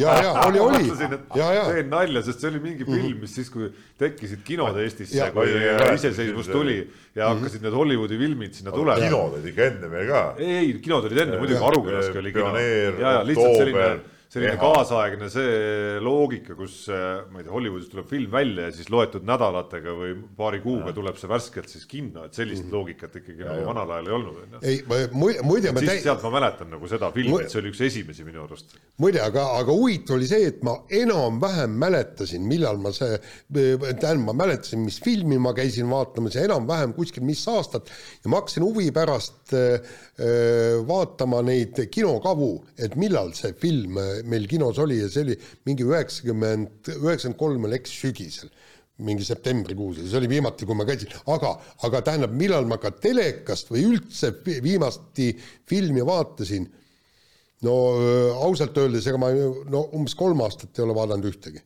tead, Jaan, ma, ma pean ütlema sulle, et, et tegelikult tehakse kinodesse ja, ja üleüldse filmimaailmas tehakse ka palju ägedamaid asju kui see õhuässad, et kui sa said üheksakümne kolmandal aastal mingi trauma sellest ja siis otsustasid, Ei, et sa rohkem kunagi ei Ei, lähe ei., siis noh, kasvõi nende Kalevi ja Lõvide filmide pärast Ei, võib ei, täitsa minna, sest mina soovitan neid kõikidele väegi spordihuvilistele ja tegelikult ka natuke kaugematele. mina olen käinud mõlemad, mõlema filmi esilinastusel isegi, ma võin ütelda.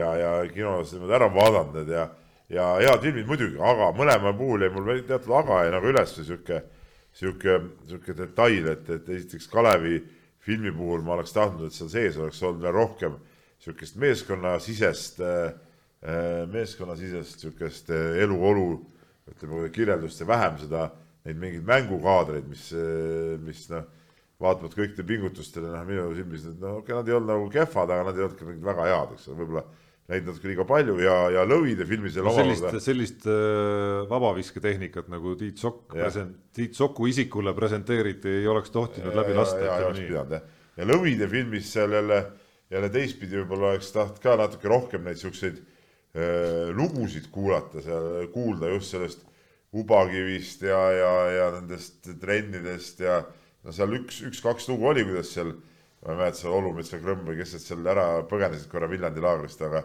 aga ütleme, siukseid lugusid oleks tahtnud nagu, nagu rohkem ja rohkem veel sinna sisse minna nagu aga noh, see, mis mulle meeldis, et, et on saanud noh, nii-öelda jäädvustatud eri, erinevatel kujudel, on ikkagi see, et need on mõlemad ja sellised hästi kodused ja, ja, ja Eesti spordist pärit lood inimestest, noh, ütleme suurtest inimestest tegelikult, kes on võtnud ja teinud ära, ütleme niimoodi, kõige lihtsa, lihtsakoelisemalt väljendama, on võtnud ja teinud ära, et ei ole, ei ole vingunud, ei ole unistanud, vaid, vaid on võtnud ja teinud lihtsalt.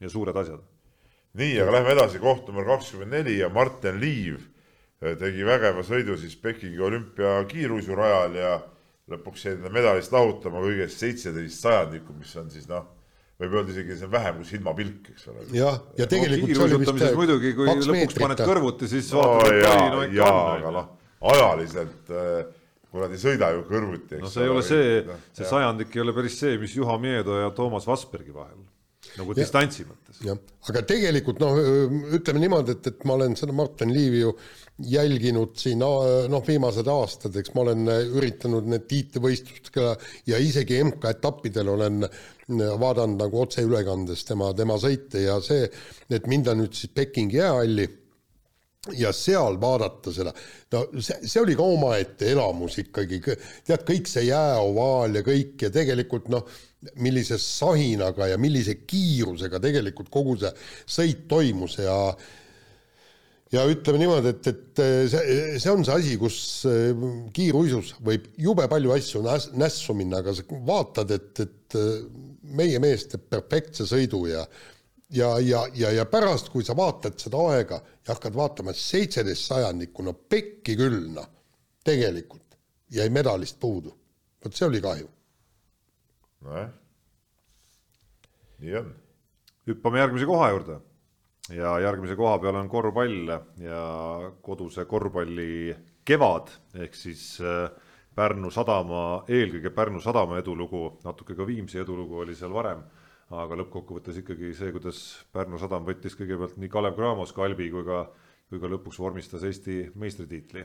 no minu silmis see oleks pidanud olema kindlasti palju-palju kõrgema siin tabelis, aga noh, kaks asjatundmatut eh, noormeest siin, noh, ei saa, ta hääletab ja mul on küll kaks kätt, aga noh, siis äh, ikkagi see ei aita nagu noh, et, et eh, see oli Pärnu sadama see, see kevad oli minu silmis ikka üks aasta kõige vägevamaid asju tegelikult. Ja, ja sõber Johni üle on, on ikka väga-väga hea meel. äge. äge, ei absoluutselt, et, et noh selliseid, ütleme üle aastate mõned tulevad, on ju, et noh, ta meenutab seda toona kunagist Rakveret, eks ole, kunagi Tartu tõusu, okei okay,, see noh, Tartu tuli nagu mürinal natukene nagu, nagu noh, kuidagi nagu veel laiemalt, eks ole, ta tuli ja jäigi nagu kümnekonnaks aastaks, kui mitte rohkem eh, sinna tippu, on ju, et eh, Pärnul kindlasti on raske ja tänastes oludes on võib-olla raske siin Pärnu-sugusel klubil nagu korrata samasugust tulekut, sa tuled ja jäädki sinna ja, ja te kerkidki Kalev Cramo kõrvale näiteks siis iga-aastaseks äh, suureks konkurendiks. aga, aga jah, äge, et sellised noh, ka sellised nagu ma Kalevi ja Lõvide puhul ütlesin selle lause, et noh, keegi, kes tuleb ja, ja, ja teeb midagi ära, et meenutame, kust see klubi ju tulema hakkas, see oli, see oli, see klubi oli ju kadumise piiril mõned aastad tagasi. ja, ja, ja no mul on mingisugune aimdus ja teadmine, mis, mis selle taga on ja mida see nagu kõik nagu tähendab, et seda, seda väärtuslikumaks see, see seda tõstab. jaa, aga Peep, otsene küsimus, ütle, kas see äh, Pärnu edulugu on sulle ka natukene inspiratsiooni, mõtet andnud, et, et kas sa, kas sa näed ka, et, et võib-olla Keila võiks mõne, mõne aasta või, või kümne aasta jooksul või kunagi midagi samasugust korda saata? et kui, kui sa näed, et, et tõesti Heiko Rannula ja, ja, ja Pärnu sats tulevad ja teevad midagi niisugust. ei no, no, muidu võtad mängida, kui sa ei taha kuhugi jõuda või midagi saada. Noh. ja selge see ja ma ütlen, et see, see Pärnu, Pärnu saavutus ja, ja ütleme, kogu see teekond, loomulikult inspireerib igal juhul. Noh. nii, aga mina ju nüüd või? ja, kui sa julged. tõsi, tõsi. nii äh,. koht number kakskümmend kaks. koht number kakskümmend kaks, Eesti neljapaat ja, ja jõudis jälle MM-il finaali ja, ja, ja tegelikult mi, mida me hooaja alguses rääkisime, seal oli ju täiesti segadus, uued mehed paadis, kõik, kuidas tuleb ja, kogu jutt oli selles, et kui et oleks vaja MM-il jõuda kaheksa sekka selleks, et saada finantseering, saada palgale, et mehed suudaksid jätkata täiega. ja Voila ja Kõmm, kõik oli olemas ja sellega, kui sa oled juba palgal, no siis Hendrikson ja Raja ka, noh, üritavad, ma loodan, vähemalt Pariisi olümpiani välja öö, sõuda, aga see, et, et noored mehed said nüüd nii-öelda finantsidele ja kõik ja, ja loodan, et panevad ka veel juurde. Ja nüüd on kõige tähtsam asi ju, selle aasta või noh, jah, nüüd juba selle aasta mm ja siis tuleb olümpiale jõuda, aga mitte läbi mingisuguse Lutserni regati aasta hiljem, mis oli Ei, siis seda, e jah. enne Tokyot ja kus see pagana jama. seda, et on võimatu sisuliselt äh, olümpial tulemust teha. just, täpselt, nii, aga neljapatt on kõva, ei muud. ja no eriti äge on see puänt ikkagi, et äh, seal paar meest olid ju selgelt peas ära otsustanud, et äh, hakkame nüüd otsi kokku tõmbama, aga kui nii hästi juba läks, siis on keeruline teha seda. no ma mäletan, ma ise kirjutasin Tokyo olümpia selle sõudmisvõistluse ära, kirjutasin loo, kuidas see asi nüüd hakkab nagu kokku, kokku jooksma ja ja mehed seal loos ka ju räägivad, kuidas nad hakkavad nagu otsi, otsi kokku tõmbama. jaa, aga need kaks noort meest tol hetkel, no palju me olime kuulnud, kas keegi oleks meie spordiajakirjanikest, kui öelda, et okei okay,, Hendrikson ja Raja jätkab, kes on need veel kaks meest seal paalis? pagan, me ei teadnudki nendest midagi, aga nüüd tuleb välja, et need mehed on olemas ja sõuavad MM-i finaalis, palun.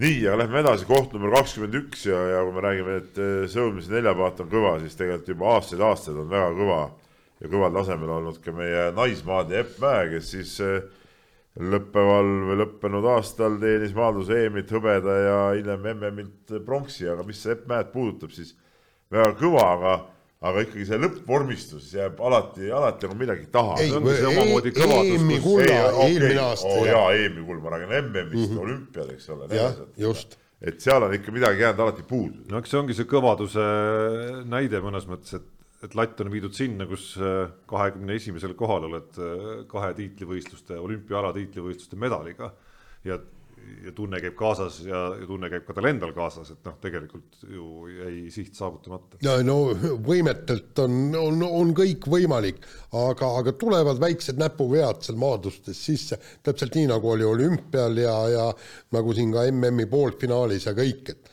et, et kui need pisikesed nüansid, näpuvead ära saaks kustutada, no siis oleks kuld, kuld, kuld.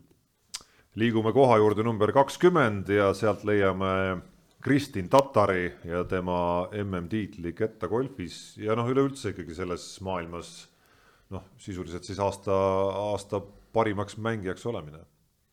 no väga kõva, aga ütleme, eks see ala on, on niisugune omapärane ja ütleme, teatud kitsaste riikide Äh, pärusmaa, aga see muidugi ei vähenda jälle seda, ma alati ütelda, et, et maailmameister või absoluutne tipp on absoluutne tipp, et, et ega midagi, midagi teha ei ole, noh, kõva, kõva värk, noh. jaa, aga, aga siin ongi nüüd küsimus, et kuidas edasi minna, okei okay,, ütleme niimoodi, ta edasi on vaja raha teenida selle, selle ei, aga tal on ju, tal on leping, leping olemas ju see räägin, no edasi on vaja raha teenida, mängida edasi ja raha teenida. jaa, aga vot seal tuleb järgmine küsimus on ju see, et et sa võidad ka järgmine aasta ära, näiteks MM-i, ja siis on jällegi, et, et, et mis edasi, ühel hetkel hakkad meeste vastu mängima äkki, nagu on siin mõned golfimängijad on mänginud ja, ja kõik, et ei no mis edasi, sa, sa saad ka sellel samal alal tipus olla, et noh, lööbid ja Ožeerid eh, võitsid eh, kordi, kordi ja kordi kahe peale.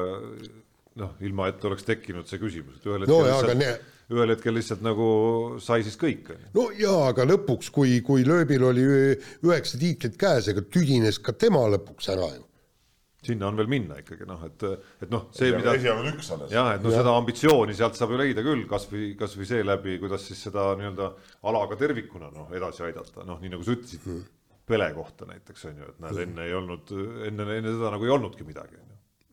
nojah. Jaan koht number üheksateist. koht number üheksateist.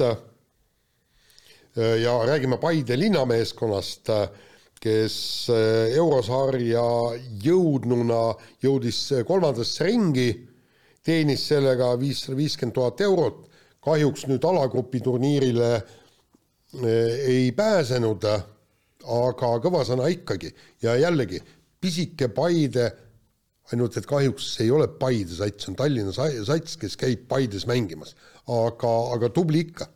ei, see oli päris kõva tegelikult ja see nende euroteekond, arvestades just seda eh, nigelat hooaja algust, eh, mis neil oli olnud ja, ja, ja selle taustal ujuda välja, noh, eurosari on eurosari, et seal väga, seal on kõik juhtunud, eks ole, kahest mängust noh, vägev, vägev värk ja noh, raha tuli ka sisse. no vägev värk veel ka personaalses mõttes äh, treeneri jaoks, kes äh, ja, Karel Voolaidi pean siis silmas, on ju, kellel noh, kellel on omajagu pingeid ka ikkagi no, olnud, ütleme, olnud, olnud avalikkuse ees. maitse, äh, maine oli natuke juures, eks ole, et et selle ta sai sellega nüüd maha pesta.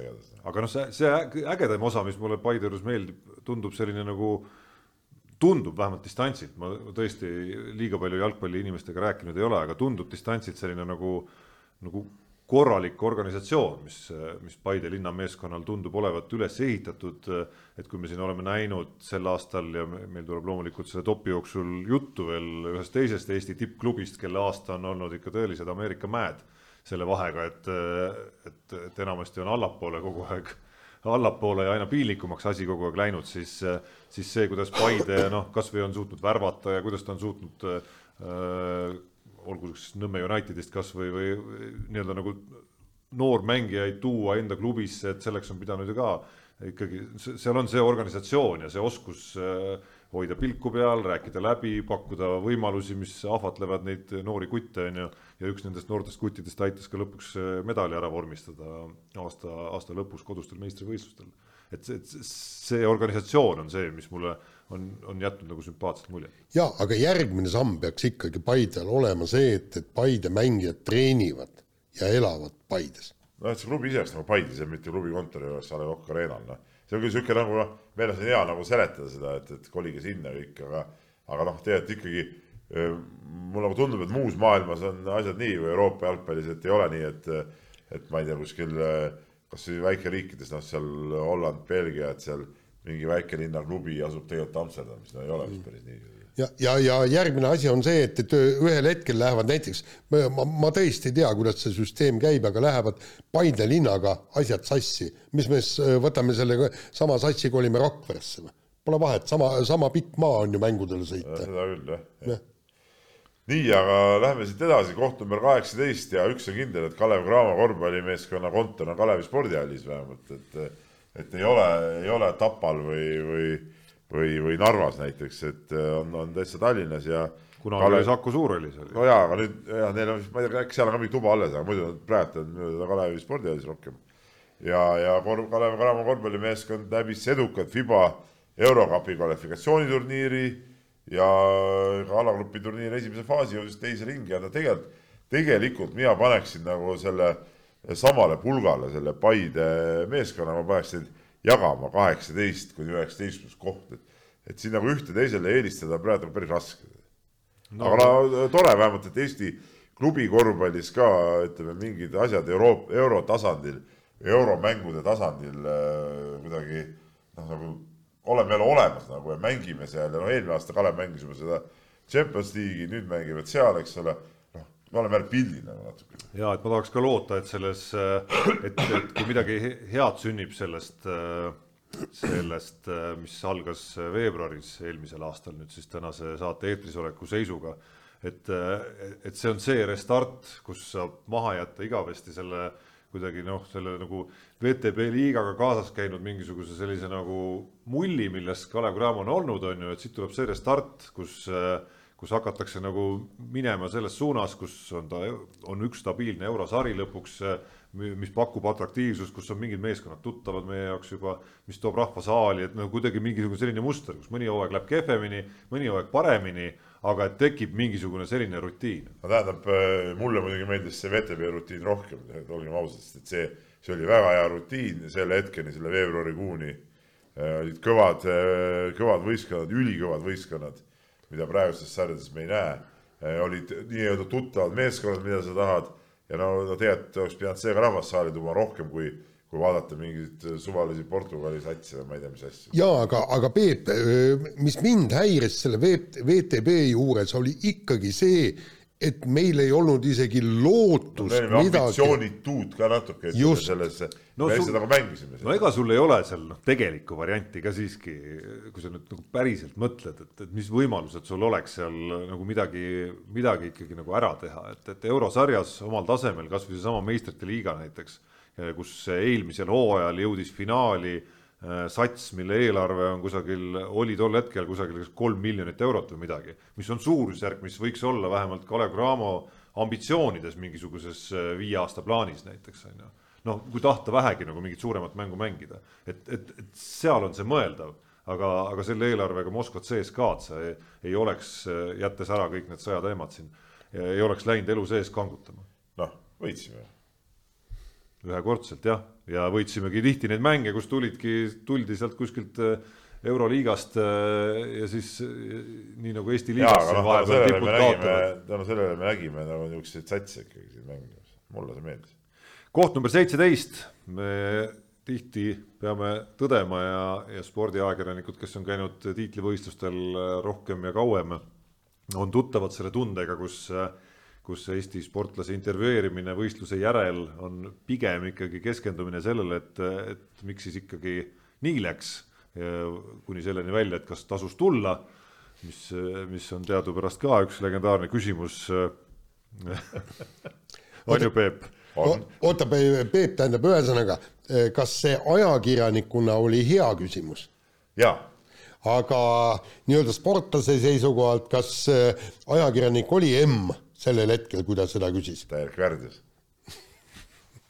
nupp jälle klikk-klikk. jaa, aga kohal number seitseteist on siis äh, vastand sellisele olukorrale, mida me kirjeldasime, ehk et see, kuidas Karmen Pruus seitsmeteistkümneaastaselt kergejõustiku MM-il äh, kuni kaheksateistkümneaastaste maailmarekordit korrates sai seitsmenda koha. ja see oli üks selle spordiaasta siukseid jälle ma ütleksin siukseid ohoo asju nagu tegelikult. Karmen Pruusi esile kerkimine ja, ja, ja ma nägin teda hooaja alguses hüppamas ja, ja see, kuidas ta sealt noh, siis ütleme sel hetkel nagu miski üle ei ennusta, et ta nii kõrgele võiks hüpata nagu ja ja kuidas ta tuli ja, ja tegi ja, ja oli, et nüüd on nagu minu jaoks kõige huvitavam küsimus see, et, et mis nagu edasi, vot see on nüüd see küsimus, mis edasi, vaata üks asi on see, sa räägid mingitest äh, siin siuksed äh, Tatarist, ütleme, kes on nagu maailmameister, aga Pruus okei okay,, ta ei ole maailmameister, aga ta, ta tegi nii kõva arenguhüppe, onju, et, et eh, no tõenäoliselt sama suure hüppe järgmisel hooajal ka, no see on ju kaduvväike, sest ta peaks maailmarekordi pärast hüppama. et, et, eh, et kuidas ta nagu suudab endale üldse kogu seda nii kiiret arengut nagu seletada oma peas ja, ja, ja maha müüa seda ja, ja ka maha müüa seda, kui tal järgmine hooaeg need arengusammud on nagu palju väiksemad, et, et kui üldse arengusamme tuleb, eks ole, et, et kõik see vot see on nagu üks huvitavamaid asju üldse Eesti spordis, mida järgmine aasta jälgida. ja, ja EM-il tal äh, läks ju nahka, ta ei saanud ju kvalifikatsioonist edasigi pärast MM-i. no okei okay,, tal oli seal oli ka juunioride tiitel. tal oli palju võistlusi tol ajal. ja, ei, ma saan aru, aga, aga nüüd tegelikult, tegelikult tuleb arvestades sellega, et, et iga aasta ei pruugi nii hästi minna, et tuleb väga täpselt planeerida Karmen Pruusi hooaega ja Pariisi olümpiat silmas pidades tähendab, küsimus on ju selles, kui ta normi ei täida ja norm on ju kas, kas sama või oli isegi kõrgem. üks, üks üheksakümmend seitse. normid on ju mingid rajuduse tipud kõik no,. Pariisi olümpia veel aega ka muidugi. ei, ega palju ta seda, väga seda aega on, eks, et. ei, mis ei ole Pariisi olümpia on ju mitte sel tal suvel, mis nüüd tuleb, vaid sellest järgmisel suvel. jaa, aga ei, aga no sealt, sealt tulebki. vormi täidetakse ju ikkagi ka alles noh ma ei tea, kas selle aasta tulemused nüüd ja, ja nüüd eeloleva aastaga hakkab just, see normi täitmise periood pihta. täpselt ja, ja sa vaatad, et kui ka või? olete kindel või? ja lugesin Õhtulehest just üks okay. päev äh, lugu selle kohta, üks üheksakümmend seitse on naiste, naiste olümpianorm on üks üheksakümmend seitse, seda ära ei hüppa, siis äh, pead nende punktide alusel hakkama just, ja siis tulebki planeerida õigeid võistlusi, et ta saaks siis reitinguga sisse ja, ja see, ja see tuleb ikkagi planeerida kogu tema nii-öelda öö, võ- võistlused ja, ja, ja kõik plaan panna paika kuni Pariisi olümpiani. see normide maailm on ikka päris, päris jõhker ikkagi, olgem ausad. see, milliseks on nüüd see kogu süsteem muudetud, ehk et sisuliselt äh, äh, väga suureks on muudetud nende sportlaste hulk, kes saavad siis mitte normi teel, vaid Jaa., vaid saavad mingisuguste võistluste ja punktide kaudu. kui ma ei eksi, siis äh, meie vana hea sõber Martti Soosaar pani Facebooki, kas eile või, pani selle, et äh, meeste kümne tuhande meetri jooksu norm on kõvem kui seni kehtiv olümpiarekord. selle jah distantsil, no just, ja no okei okay,, seda saab seletada jah sellega, et olümpial joostakse ei no, taktikajookse ei on ju. no jaa, ikkagi jah. ei no aga, aga, aga soomlastel oli ju ehe näide, kui, kui palju nad vedasid oma kergejõustiklasi viimasele MM-ile ja, ja seal väidetavalt alaliidus on täpselt, tähendab ühe inimese töö olevatki see, et ta vaatab neid reitingutabeleid, otsib neid võistlusi, kus antakse rohkem punkte, kuidas seal on minu arust see osalejaid. reitingutabel on täiega jura, et peaks ikkagi On, äh, nagu see tulemuste äh, tabeli järgi, nagu vanasti oli.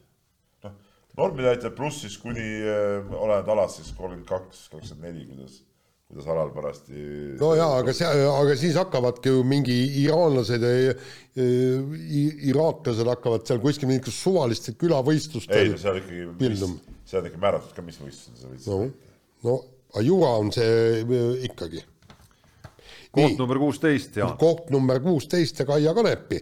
Austraalia lahtistel äh, jõudis veerandfinaali, mis oli ikka täielik äh, üllatus, aga, aga teist, teiselt poolt, kui vaadata Kaia Kanepi edasist hooaega, ei olnudki nii väga üllatus, sest Kaia Kanepi mängibki hästi või vähemalt läinud aastal mängis väga head tennist ja, ja paraku jäigi see meie Eesti tennisistide tähelennuks, sellepärast et äh, Anett Kontaveit, kes alustas, kas ta alustas aastat äh, edetabeli teise numbrina no ta päris suure osa aastast oli seal äh, teise numbri koha peal. just, aga, aga tema hooaeg samavõrd hästi küll ei läinud ja Kaia Kanepi ka teine suure slam'i parim tulemus oli, oli kolmandasse ringi jõudmine.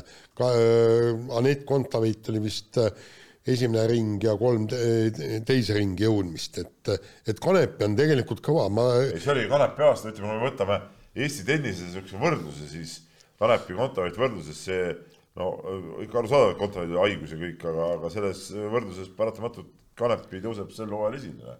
Tema oli nagu see number üks ja mina näiteks hääletasin tema ikkagi kõrgele kohale ka. ei no, absoluutselt no ütleme punkte, punkte kogus Kontaveit siiski rohkem on ju, et tervikuna, aga, aga jah, et eh, see võistlus, mille järgi sa noh, ütleme siis tennise mõistes, tennise suurvõistlus nii-öelda, mille järgi sa põhiliselt hinnanguid jagad, seal, seal ei olnud küsimust ikkagi. ei Tarmo, punkte rohkem küll, aga kui sa vaatad, et Kaia Kanepi mängibki tänu oma või tähendab oma vanuse tõttu vähe turniire ja, ja, ja see, see ongi põhjus, miks äh, ma kujutan ette, et, et kui tal oleks jõudu mängida täishooaeg, korralikult oma neliteist, viisteist, kuusteist turniiri, siis ta, siis ta oleks eelmine aasta tõusnud ikkagi väga-väga kõrgele. nüüd on maailma edetabelis kolmekümne teine no. ega me seda ka täpselt ei tea, neid olekseid, et noh, teistpidi on see, et äh, see, et ta mängib vähem ja on äh, oma karjääri selles faasis, mulle tundub ja, ja,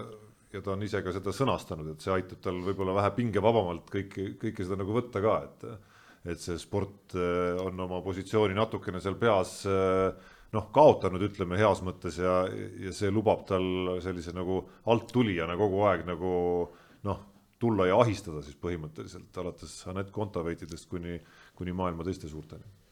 nii, aga lähme edasi, oleme jõudnud kohale number viisteist, et vaikselt edapeal meil edeneb ja, ja oleme vehklemise juures meie eelmise aasta siis eh, number üks naiskond, see number üks koht oli see naiskonna vehklejate siis äh, trumf ja nüüd on nad kohal number viisteist, aga mitte nii edukate asjade pärast, vaid hoopis seoses sellega, et lõppeval aastal siis ütleme, kuidas ma ütlen, toimus nagu päris korralik langus, et parimad tulemused olid siis neli Differti äh, MM-i veerandfinaal, Erika Kirpu EM-i veerandfinaal naiskonnavõistlustel põruti kõvasti äh,, Katrina Lehis vigastas põlve ja no positiivse asjana siis Julia Beljajeva nii-öelda kasvatab väikest äh, beebit. jah, aga, aga midagi jäi näppude vahele. midagi enam näppude vahele ka.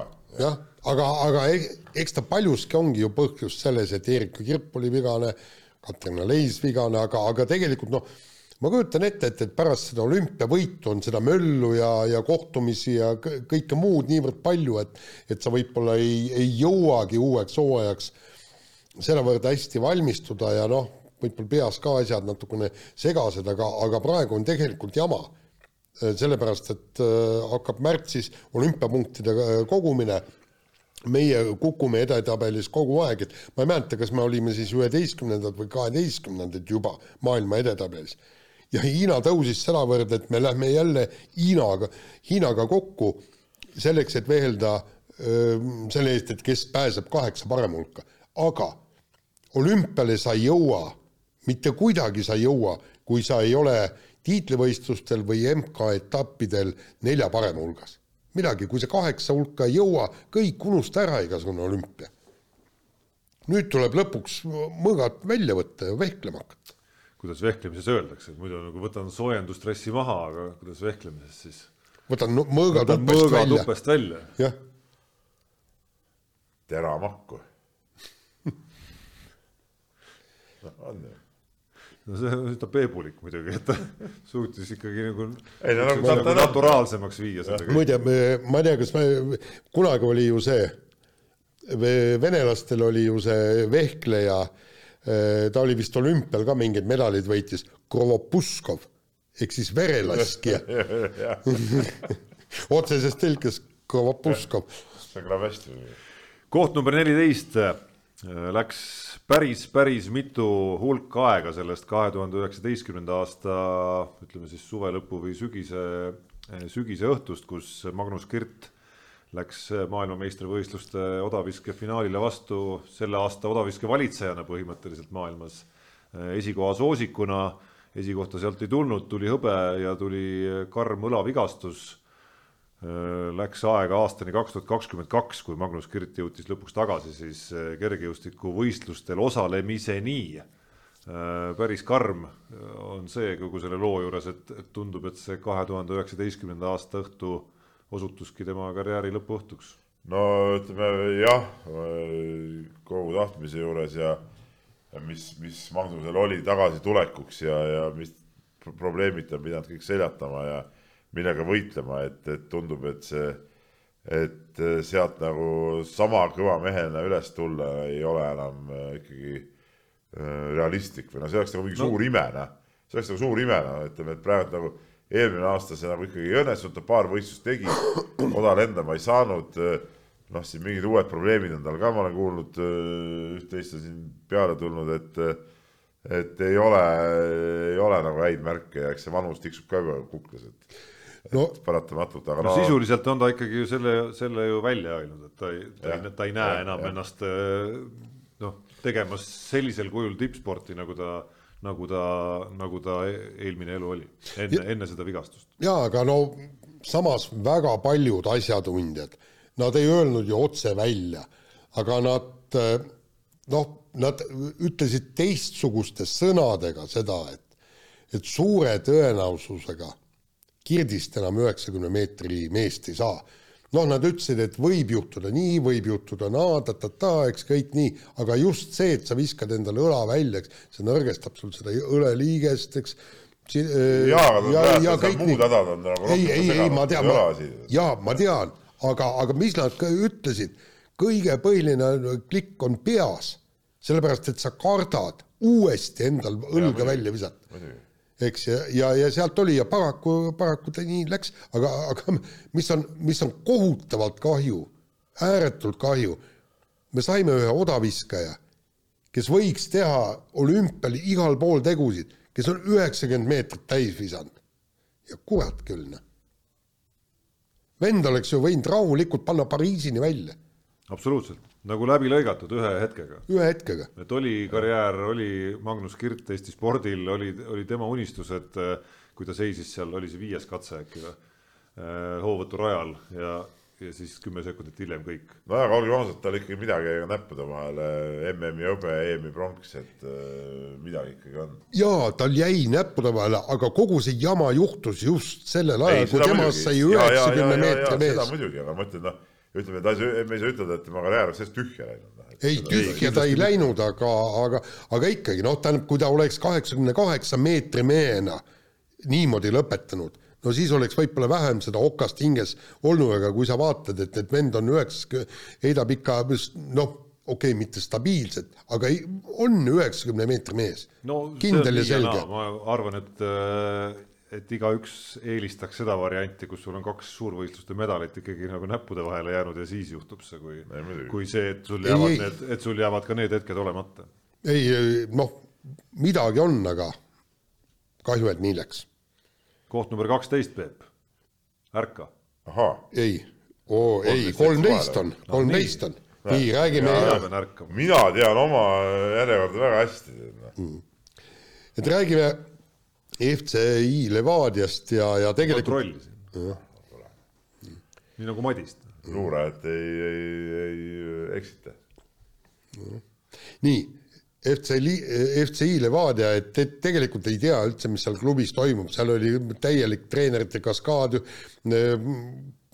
halvimal või parimal juhul, kuidas pidi võtta, treener juhtis ainult ühe mängu Ukrainast palgatud, kes ei, noh, ei jaganud nagu väidetavalt ööd ega mütsi, spordidirektor Tarmo Kink läks ära, Hohlov Simson, tema oli vist, mis oli tegevjuht. ja kõik, kõik nii, mängijaid lasti lahti. Ja tegelikult ega me ei tea, mis edasi saab, sellepärast äsja tuli ju ka jälle uudis, et jõulude paiku, et keegi sai jõulukingituseks Levadiast jälle kinga, et, et, et ühesõnaga ühe aastaga, ma ei tea, isegi poole aastaga lihtsalt üks täiesti tore ja korralik meeskond, kes eelmine aasta tuli Eesti meistriks, lagundati laiali. kõik, midagi ei ole. nojah, eks see, neid intervjuusid on nüüd aasta lõpus olnud huvitav lugeda, nüüd on neid järjest ilmunud ka kõik asjaosalised, peamised asjaosalised, Kink ja Hohlov Simson ja Levada ise on nüüd ikkagi nagu sõna ka võtnud, et noh, et äh, lõpuks tundub, et taandub see kõik seal väga lihtsale küsimusele, et, et üks juhtimiskultuur on see, kus on üks isa ehk siis Viktor Levada antud juhul tundub, kes Asja., kes, kust tuleb raha, kes otsustab ja kes teeb ka nii-öelda nagu otsuseid siis on ju. ja, siis on, siis on see kultuur, kus, kus ta palkab inimesed, seab neile eesmärgid, ütleb noh, ütleme tööülesanded lepitakse kokku, palk ja kõik muud asjad ka on ju ja siis laseb neil tegutseda ja kui ja kui nad enam ei tee seda, mida või, või noh, ei täida neid kokkuleppeid, siis vahetab välja on ju. et noh natukene äraspidiselt see selles mõttes käis, et, et seal hakati nagu kahte kultuuri vist korraga viljelema mingil hetkel. et, et oleks, oleks need sammud, need kinkide minema saatmised näiteks varem ära tehtud, siis oleks see kõik nagu loogilisem välja näinud. No, ongi aga-, ongi, meil on siuke klubi, kus asju aetakse nii. aga kokkuvõttes äh, Levada klubi ise teab, mis teeb. ei no muidugi, kellelgi ei ole midagi kobiseda. mitte midagi pole kobiseda. jah, aga, aga see on kummalik, üks on siis klubi omanik, siis on üks on kuskil mingi varjatud juht, kellest suurt midagi tea, siis on ametlikud juhid, kes saavad sellest palka ja keegi kurat ei saa lõpuks aru, kes seda meeskonda veab või juhib. ma, ma, ma ei ole lugenud ja ka kuulnud ka, et mis nüüd selles meeskonnas toimub. kuule, varsti hakkab tšempionaat ju pihta. ei no on ju, katsed käivad, katsed käivad. Jah. uued treenerid on Hispaaniast, kuidas ei ole kuulnud? ei, ei, treenerid tulid juba ammu ju, et mis, mi, mi, kuhu on praegu jõutud, et katsed, et mis kutsuti ju, anti ju mängijatele kinga ja öeldi, aga sa võid katsetele tulla, äkki pääsed uuesti sisse. Nad peavad sulle raporteerima või? no aga võiks ju, lepingud tulevad küll, raporteerivad. üldsusele. surkida võistkonna sees, kepiga. aga ei, väga huvitav oleks kuulda küll ikkagi teist teisest küljest, et nagu natuke uudishimu juba on küll, et, et, et milliseks see koosseis siis kujunema hakkab, et praegu oleme kuulnud pigem ainult neid, kes ei mängi järgmisel hooajal, aga selle kohta, kes mängivad veel, veel nagu. no ma tahaks näha neid mängijaid praegu, kes, ei no see ja mingi mehi nad ikka on palganud ka ju vaata. aga noh, julgevad üldse minna üldse sinna klubisse, kõvad vennad. nii, aga lähme nüüd edasi ja koht number kaksteist, see on juba sihuke sümboolne, kaksteist ja mõnes, mõnel võistlusel saavad nagu mingeid väikseid auhindu isegi. et, et see on nagu kõva koht juba ja jõuame siis Eesti korvpalli ja, ja Euroliiga juurde ja meil on Euroliigas nüüd üks päris kõva mängumees Maik-Kalev Kotsar äh, siis Baskonia ridades tegi Euroliiga debüüdi ja valiti kohe avavoorus Euroliiga äh, selle vooru siis MVP-ks, et väga, väga kõva sooritus. ja noh, selle, selle noh, loo jätk ja kõige värskemad arengud on need, et äh, aastavahetusse läheb see meeskond vastu Euroliiga liidrikoha jagamisega ja, ja, ja on ka Hispaania liigas, ütleme siis aastavahetuse seisuga ühe võidu kaugusel liidrikohast on ju, et me, et me räägime tiimist, kus on veel selline tore edulugu ka käimas praegu. ja, kui... no kaks Eestist seal, ärme seda unusta, et Sander Raieste ja Kotsar ja, ja on olnud küll ja küll hetki, kus nad Euroliigas ka koos on platsi peal, et, et mis on nagu eriti vinge, vinge vaadata. jah, aga ja. noh, see koht, noh, see koht ja see see meie tabeli tiitel noh, kuulub selgelt mitte niivõrd Baskooniale, vaid, vaid Maik Kalev Kotsari arenguloole, ütleme siis ja, niimoodi ja, ja sellele, mismoodi, mismoodi see mees on oma, oma karjääri suutnud kujundada, kuidas olla tubli treenija, saada mingitest rasketest hetkedest ka üle, mis tal ülikoolis on olnud ja ta on sellest päris mitmes podcast'is rääkinud ka, kuidas seal ka ka nagu nii-öelda vaimse poole peal vajas mingil hetkel abi ja, ja viimase ülikooli aasta eel saigi, saigi selle ja ja kuidas ta nüüd on kerkinud tõesti sellel tasemel hinnatud meheks, et noh, siin jah, kindlasti on korvpallifänne, kes igatsevad, et meil oleks ka mees, kes kakskümmend punkti, kümme lauda veel iga mäng paneks, nii nagu ta esimeses voorus enam-vähem, noh ümmarguselt on ju. aga mida, mida on Maik-Kalev Kotsari puhul äge olnud jälgida ja, ja eriti kui loed veel juurde ka neid noh, kasvõi kommentaarideks valmistudes neid üksikuid eh, killukesi kuskilt eh, Baskonia või Victoria kohalikust meediast, et noh, kuidas, kuidas isegi kui kui me räägime mingist sellisest nagu rünnaku mõttes ja skoorimise mõttes eh, justkui nagu noh, niisugusest nagu keskmisest mängust on ju, ma ei tea, kuus punkti, viis lauapalli või, või isegi veel kehvemast, siis, siis kumab läbi neid lauseid, kui oluline on see mees peatreeneri jaoks oma kaitsemängu poolest no, näiteks. kõigile näha ju. absoluutselt, no kuidas ta vahetatakse kasvõi yeah., kasvõi nagu noh kui ta vabavisked viskaks sisse, siis äh, kindlamini, siis noh, siis, siis ta oleks veel rohkem lõpus väljakul. no ei tea, aga no, tal on muidugi päris, tema positsiooni peal on ka teised päris head mehed, et, et noh, seal, no, seal oleneb nagu päevast, kes seal lõpus võiks väljakul olla rünnakufaasis. aga kaitses on ta muidugi noh, on väga kõva selles, selles ampluaas. et noh, just, just nagu sellised, sellised väikesed detailid, mis mis äh, panevad rõõmustama, et näed, tuli mees ikkagi nagu Euroopa tipptasemele ja kinnitas seal kanda, et seda on see, mida sa tahad igas pallimängus lõpuks ju nagu näha ja mis on su pallimängukoondise järgmise teema juurde sujuvalt liikudes edu ka. Üks eeldusi ikkagi, et sul selliseid läbimurdjaid maailma tipptasemele ikkagi leiduks.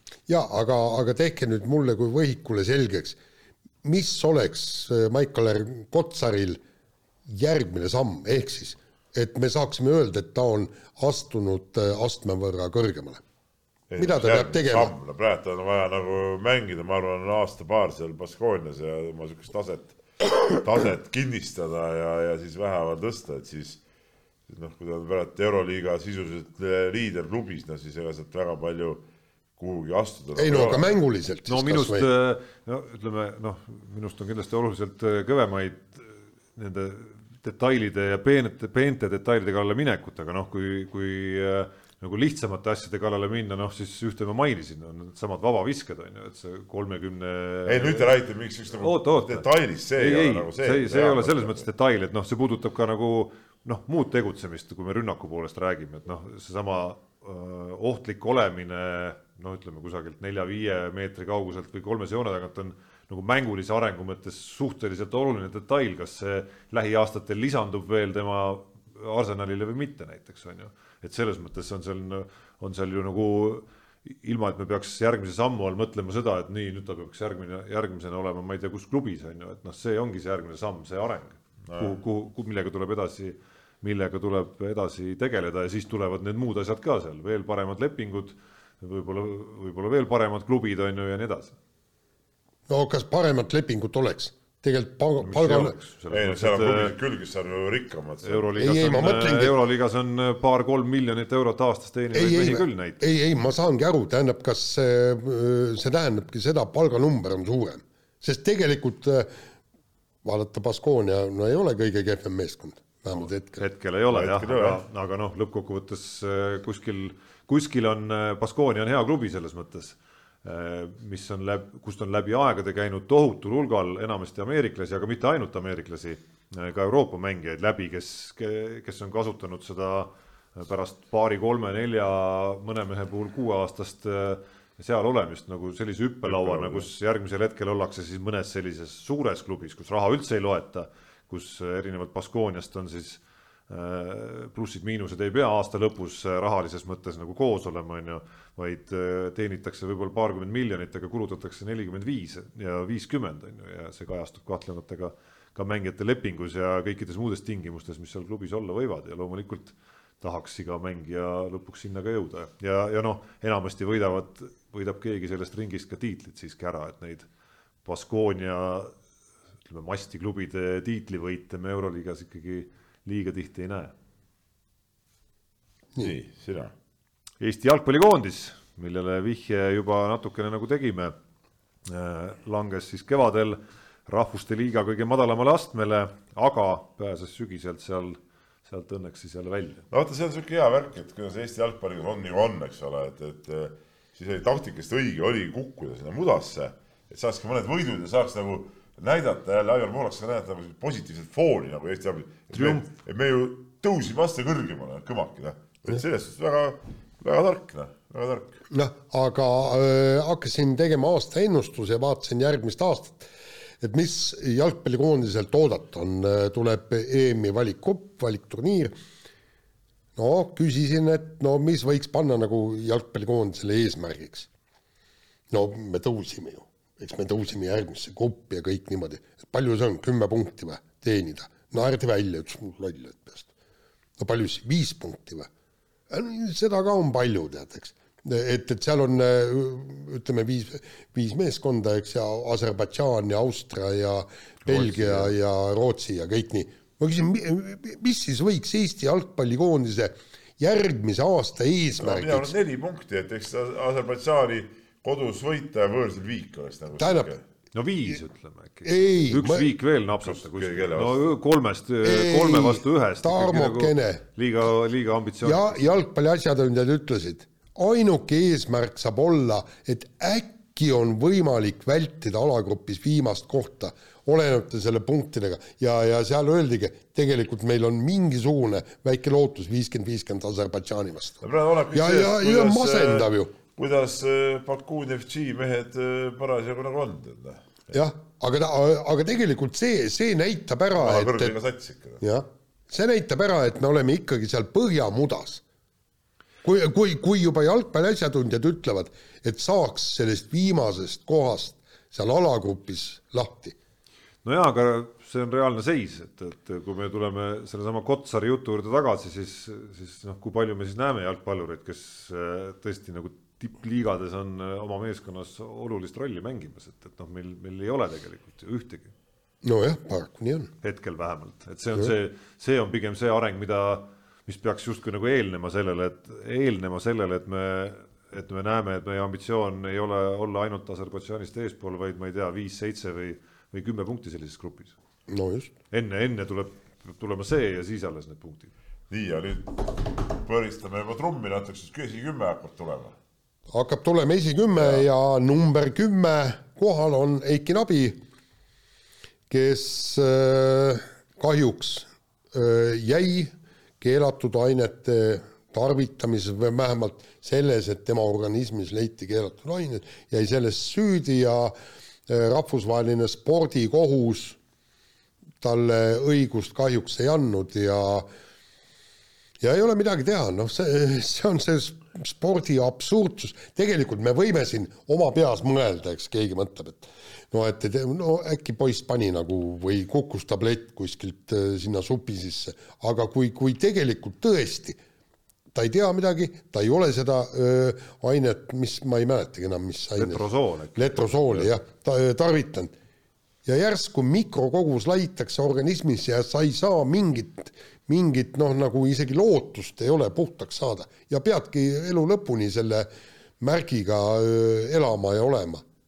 See on ka karm, ja see karm ja see on nagu selle asja veidrus ongi see, et, et kui me teame siin ühte teist Eesti sportlase juhtumit, kus sportlane nagu mõisteti õigeks, aga seal ütleme, seletuskirjad igal pool nagu märgiti ära, et noh, nagu tegelikult on nagu näha, et ta noh, nagu on ju midagi nagu seal tarvitanud. Ja tema on nagu õige ja siin nüüd nagu on nagu näha, et ta nagu ei ole tarvitanud, aga saab ikka karistuse ja siis see on tead nagu totrus, no see on totrus kuubis. ja, ja, ja kui see otsus ütleb, et öö, seda Eiki Nabit ei saa pidada keelatud ainete tarvitajaks ja pätiks kaabakaks ja süüdlaseks, ütleb kohtu ko,, kohtuistung, aga ta on süüdi. ja et siin tundub ka mulle, et, et, et seal reeglites võiks neid halle varjundeid natukene nagu rohkem olla ikkagi, mis, millega nagu sellist olukorda kuidagimoodi nagu lahendada, seda, et sa ei saa süüdi mõista kedagi noh, see juhtum, millest sa rääkisid, eks ole, Andrus Veerpalu, et, et noh, kui ikkagi seal on nagu juriidikas mingisugused konksud päästavad ära, no sellest see on nagu arusaadav, see on kogu koht, kohtupraktika seisneb ju sellel, on ju.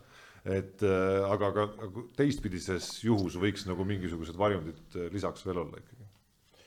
nii, aga koht number üheksa ja, ja jälle üks minu lemmik sündmusi sellest spordiaastast, Robert Virves Äh, juunioride maailmameister autorallis ja, ja siin Eestis ta tegi ka veel vägevat trikki kui Rally Estonial, siis äh, teadupärast juunioride klassis saab iga kiiruskatse võidu eest punkte ja ja võitis kuusteist kiiruskatset, et äh, see on nagu rekord. ei, kas isegi sei-, mitte seitseteist no,. kirjas on keegi meil kirjutab kuusteist. ja minu meelest oli seitseteist, kuna ta jagas selle Andersoniga ühe kiiruskatse võitu ja siis läheb punkt mõlemale. aa, võib-olla ka nii, no igatahes no, see oli igatahes võimas võimas sooritus, aga veel võimsam sooritus oli see, et ta võitis selle juunioride maailmameistritiitli ja saab järgmine aasta sõita äh, WRC kaks sarjas ja see on järgmise ralli aasta jälle minu silmis üks, üks siukseid põnevamaid äh, asju. ja aga vaata seal Rally Estonial me olime ju mõlemad, mõlemad seal kohal ja seal oligi ju äh, Virvesel esimene päev rehvi purunemine ja, ja tegelikult ääretult tihe võitlus selle juuniori, juunior WRC tiitli pärast. Ja see oli ju eelviimane ralli. Yeah.. viimane oli Kreekas. Ja kõik noh, umbes virutasid mütsi maha, pekki küll, et no läkski, läkski võimalus käest. ja siis järsku hakkad vaatama, et võidab kiiruskatse järgmise, kolmanda, neljanda. Ja, ja, ja, ja siis juba muutus asi nagu noh, mitte absurdseks, aga, aga selles mõttes, et kuule, et mida see vend teeb seal. ja, ja tänu sellele, tänu nende kiiruskatsete võidule ta, ta venitaski endale küll, võimaluse. okei okay,, seal on viimasel etapil on topeltpunktid ka veel muidugi. jaa, ei seda küll, eks. määravad, määravad päris palju rolli. WRC-s võiks ka nii olla äkki ma no,, jaa, miks mitte. topeltpunktid või, ei ole. no igasugu sellised väiksed asjad, mis teevad asja huvitavaks. ei, ei, ei, see on sihuke jälle, see on sama loogika, et eh, mängi viimase veeranda, kes saab ennem eh, üheksakümmend punkti täis, tead noh. ei no unusta ära. Noh. trennidest on ikka tuttav see, et alati on viimase korvi peale, eks ole, viimase värava peale. no ei, ei. ei no jaa, aga tähendab, mul siin noh, niisugune mõte võiks ju olla, eks, et iga kiiruskatse võit annaks WRC-s ka ühe punkti, aga et seda on liiga palju. liiga palju, see seda on liiga palju. jah, ralli võidu tähtsus võtab vähemaks. no aga teeme punktisüsteemi ringi no.. ja no vot, tähendab ühes. esikoha eest saad viiskümmend punkti näiteks on ju ja siis see üks punkt ei ole palju. jaa, just, täpselt. tuhat punkti esikoha eest. no mida iganes. ralli võidu eest nii palju pole vaja, aga ralli, aga ralli juurde me jääme, sest kaheksandalt kohalt me leiame oma tabelis Ott Tänaku ja täpsemalt selle, et Ott Tänak otsustas Hyundai'st lahkuda, aga siiski jätkata karjääri ja naasta M-sporti. no huvitav, ma ütlen nii, et huvitav, et no see uudise... annab järgmisele hooajale annab nagu siukse erilise, erilise varjundi, et Tänak jõudis nii-öelda koju ja mis nüüd seal siis saama hakkab huvitavam ja suurim võlu selle otsuse juures on muidugi see, et ta jätkab. ei no see muidugi, see, et igas tiimis on, on nüüd kõva sõitja, nii-öelda tiitli nõudleja, selge esinumber, see teeb ka nagu asja huvitavaks. tead, lugesid selle Beck Williamsi intervjuud, eks, ja seal ta ütles, et, et see Ott Tänaku minek M-sport oli kõige vähem varjatud saladus, eks, et, et seda kõik teadsid, noh ja, ja, ja siis tullakse mulle nagu rääkima, et põhimõtteliselt kui ta pani äh, nii-öelda lahkumisavalduse lauale Hispaania äh, Kataloonia ralli ajal, et siis ei teadnud, kuhu minna, tööd ei olnud, et noh, et umbes äh, läheb saaga lund lükkama. mul oli tunne, mul on siiamaani tunne, et selleks aja, ajaks olid kõik väga täpselt aga teada. kuuldes Kalev Kruusi podcastis täna kinnitas, et ei olnud selleks hetkeks teada. arvad, et mees valetab või? No eh, tähendab, tal võis olla niimoodi, neil olid käed löödud, kui te täidate need tingimused, no seda Siis, küll, ei jah. seegi see, et tal võis olla seal mingi, mingi variant, aga, aga et seal nüüd täpselt kõik paigas on, seda ma kindlasti ei usu. kuule, aga, aga, aga nüüd selgub, et tegelikult Ott Tänakule on ju edu sees, juba hakati hädaldama ju Toyota poolt ja, ja soomlaste poolt tüüpiliselt. testimine.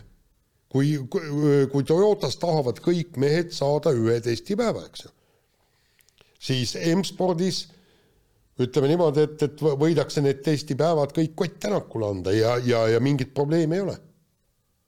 no kõiki nad muidugi ei anna. ei no kõiki need ei anna see on nagu selge, selge, et see nii päris ei jaa, aga Serderiidise öö, testipäevad ta saab ikka endale, see on ju selge. Nonii, liigume ed- edasi oma tabeliga. nii, aga, aga nüüd on meil siin sassis, mis, mis asi on nüüd meil öö, siin koha number seitse, jah, on meil äh, Tallinnas toimunud VTA tenniseturniir. just, okei okay., just, ei, ei, mul on siin sassis, me pidime midagi siin öö, me tõstsime ja kõik tõstsime rahu, ringi, okei rahu, okay., nii, Tallinnas toimunud öö, VTA tenniseturniir, tegelikult oli, oli just turniiri toimumine, see, et, et suudeti see korraldada ja tõesti, noh, tähendab praegusel hetkel eriti, kui meil on Kanep ja Kontaveit, peaksid olema need turniirid Tallinnas ja kõik. korraldati turniir ja voilaa, läks nii hästi, et, et meie omad kohtusid poolfinaalis, Kontaveit või jõudis finaali, kahjuks seda turniiri võitnud, et selles mõttes iga rahvas sai täie raha eest hommikust õhtuni ägedat tennist no nautida. jaa, see oli ikka taas üks spordiaasta hetki oli see pool. oli, oli ja, ja, ja ta selge. ja, matš, ja mida nii kaua oodatud noh. just, aga tegelikult just, tegelikult see turniiri tähtsus ja, ja kõik see sära oligi selles, et meie omad mängisid nii hästi ja jõudsid nii kaugele. oleks nad esimeses ringis välja kukkunud, kui, kui oluline see kusjuures see ei olnud väga kaugel üldse. Mäletad Aneti esimest mängu? jah, ja, ja, ja mis no,, kas ta oleks meil üldse siin tabelis, tabelis olnud või? no iseenesest sündmus oli ju, ju, ju märgiline, noh, ka ilma selle matšita oleks, oleks see märgiline olnud. aga, aga see turniir ei oleks olnud ligilähedaltki nii suur. jaa, ei muidugi jah, aga et need inimesed, kes ikkagi noh, selle nii-öelda ära tõid lõpuks, see ei olnud kõige maailma kõige lihtsam asi, meenutame kasvõi kui raske seal oli rahastust sinna taha saada ja kõiki neid asju klappima saada ja ja ütleme natuke sarnane sellisele noh, mitte nüüd nii keeruline võib-olla nagu see WRC ja Rally Estonia teema, kus, kus lihtsalt neid rallisid on nii palju vähem kui, kui tenniseturniire on ju. aga ikkagi nagu sarnane maailm natukene spordi sellisest absoluutsest eh, tipust, kus kus noh, mängitakse natukene suuremat mängu ka organisatsiooni ja, ja korralduse mõttes võrreldes siin kohalike asjadega. ja, ja see valitsuse vastuseis alguses sellele oli üks asi, mis tegelikult selle noh, raha andmise vastu seisis, et oli see. aga Tallinna lind, linn tuli ja, õnneks appi. ja lõpuks ikka valitsus ka nagu heldis seal. nii, aga heldis ikka või? võib-olla tahaks mõtlema. ei, ikka midagi vist. midagi vist ikka andsid lõpuks jah. aga koht number kuus ja on nüüd juba tõesti siin auhinnaline koht kergelt. juba trummid hakkavad vaikselt põrisema ja, ja koerad nõrisema. et Eesti korvpallikoondis eh, piirdus küll EM-finaalturniiril ühe võiduga, kuid eh, võitis eh, tuhandete koha peale sõitnud eh, fännide südamed, no mis on, mis on sihuke nii ja naa, siin on jälle sihuke, sihuke kumab läbi sihuke Tarmo idealism nagu selles, selles sõnastuses, et et jah, korvpallikoondis oli tubli, aga eesmärgid jäid täitmata, et tegelikult ikkagi võib ütelda, et see EM nagu ebaõnnestus. ja pigem, pigem oleks võinud ju öelda niimoodi, mis läks hästi, eks saadi ainult üks võit ja pluss on see, et meie korvpallikoondist ei vilistatud välja võrrelda, erinevalt Riiast, eks ole. erinevalt no Riiast. ütleme ko- noh, selles mõttes ma arvan, et see sõnastus on äh, üsna täpne ja tabav tegelikult, soovides kiita ennast nüüd on ju. et, et äh, see on oluline nüanss selle koondise juures, et ta läbis selle turniiri selle tulemusega jah, kus ma arvan, et ükski mängija ei tulnud ära sellelt turniirilt, et jess, see oli tohutu kordaminek meie jaoks siin et aga, aga ta tuli sealt ära niimoodi, et kui sa küsitlesid fänne, kes seal kohapeal olid, siis nad pigem tulid, et noh, ägedad ja tublid poisid on ju. aga noh, see, see, see reaktsioon põhineb nüüd sellel, et jah, nad on suutnud elamusi pakkuda omajagu, nad on suutnud äh, jõuda noh, oma individuaalsete karjääridega mingitesse kohtadesse, kus vähemalt sellisel hulgal Eesti korvpallurid ei ole kunagi olnud, et meil reaalselt jäid finaalturniiri koondistest eemale mängijaid, kes noh, Euroopa tugeva liiga, meistriliiga klubidega olid lepingu sõlminud, on ju. pean Gregor Hermetit silmas. et ja seda isegi olukorras, kus seal oli vigastusega puudujaid ka veel, et noh, see on erandlik olukord, aga noh, see hall argipäev läheb nüüd siis, nüüd siis edasi, kus noh, enam enam nagu sa sama tulemusega neid südameid samal, samal moel ei võida. ei kindlasti mitte ja ütleme ka viimased mängud näitasid juba, et see asi nagu nii roosiline kõik ikka ei ole. viimased, mis siin olid koondise aken sügisel. aga, aga ma saan ka publikust ja fännidest aru, sest ma, mina olen ju ka omal ajal seda Kalevit ehk siis noh, toonast Eesti koondist vaadates, me ju ikkagi vaatasime perspektiivi mõttes ka, eks. Kui, kui me suplesime seal liidu esiliigas, aga sa nägid, et noored korvpallit tule, korvpallurid tulevad kõigepealt Enden, siis hiljem, eks, kes sealt tulid, Sokud ja kõik see, ja sa nägid, et sealt võib varsti midagi ägedat tulla. Ja, ja, ja see, see oligi ju see tegelikult selle meie korvpalli praeguse koondise ikka suurim pluss, et me saime hea noore perspektiivika satsi ja mikspärast ikkagi seal Riias meie omad välja vilistati, sellepärast et seal olid mängijad, kes olid jahtinud seda EM-i aastaid ja aastaid ei olnud sinna jõudnud ja nende karjäär hakkas vaikselt lõppema tasapisi. jah, no tõe huvides olgu öeldud, et, et neid nagu lõpus ei vilistatud välja, et, et. ei, lõpus sellest, mitte. selle vilja alt nad tulid äh, ikkagi selle turniiri kontekstis äh, ju ka kenasti välja ikkagi.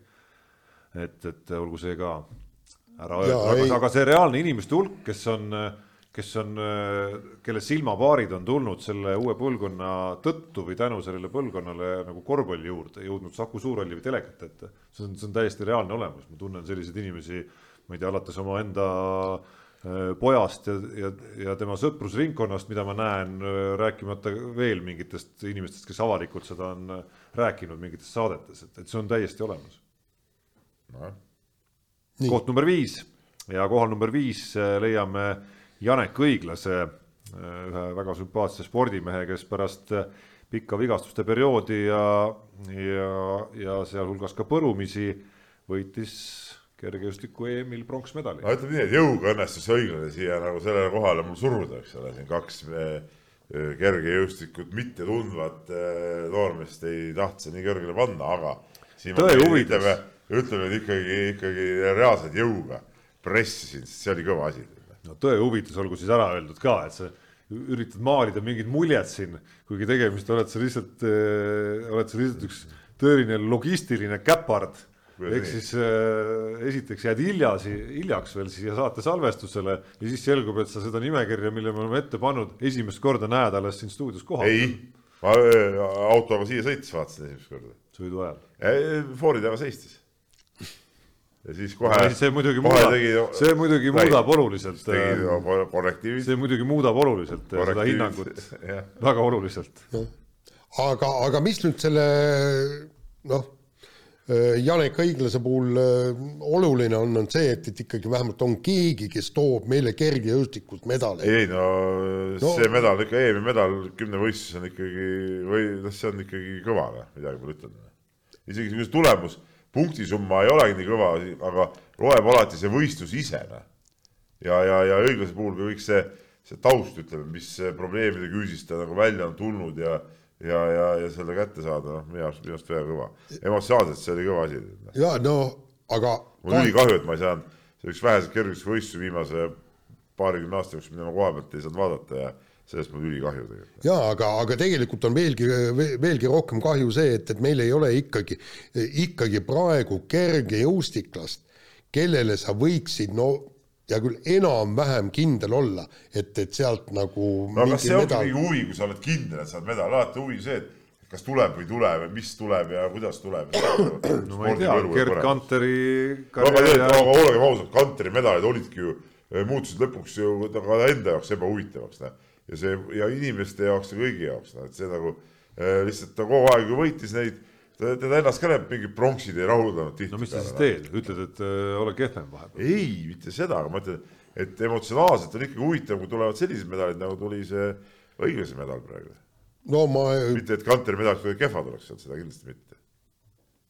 No jaa, aga meil võiks siis sarnaseid sportlasi No kes aga me- võiksid me, medalid võita, meil võiks, siis peaks olema kolm, neli, viis, et, et keegi imeks sealt selle medali välja. No jaa, aga me rääkisime alles siin üheksa teemat tagasi, kuidas meil oli üks selline noh, oma tipp nii-öelda karjääri kõvera täielikus tipus on ju ja siis me jäime kümne sekundiga või ühe hetkega temast ilma lihtsalt on ju, et et kui palju neid Eesti-sugusel riigil ikka lõpuks siis realistlikult võttes olla saab. no jaa, aga meil on häid aastaid olnud, kui me EM-ilt võtame kaks medalit rahulikult ära ja ei ole probleemi. pakun, et on olnud ka hetki, kus me ei saa midagi no ja Eesti kergejõustiku ajaloos. no äh, vaatasin huvi pärast statistikat äh, tehes, tehes just jälle neid aastaennustusi.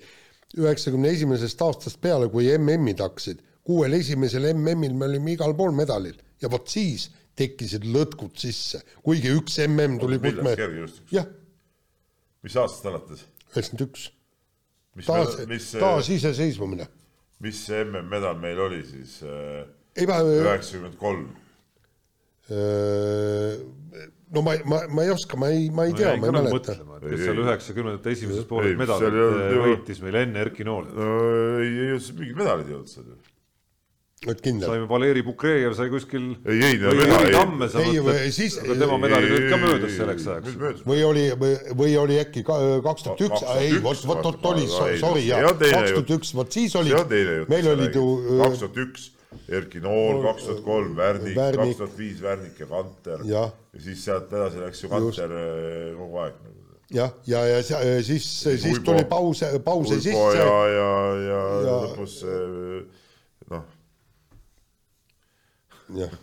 Kirt. ja, ja siis oli, eks, et, et aga, aga just see lõpp on nagu see praegune lõpp on natuke tü- tühjaks jäänud.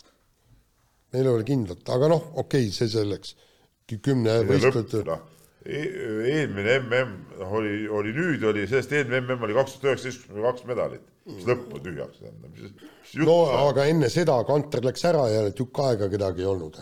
Kui sa, kui sa tahad öelda, et kergejõustikus on kõik hästi ja medal ei, ei, tuleb, ma ei no ma ei mõtle seda, aga ma ütlen, noh, et lõpp nüüd tühjaks on jäänud, seda ei saa ka päris ütelda. noh. nii, mis äh, number meil on? number koht neli, number neli, mille juhatab sisse neli. Jaan Martinson. just, ja jutt tuleb Jüri Vipsist.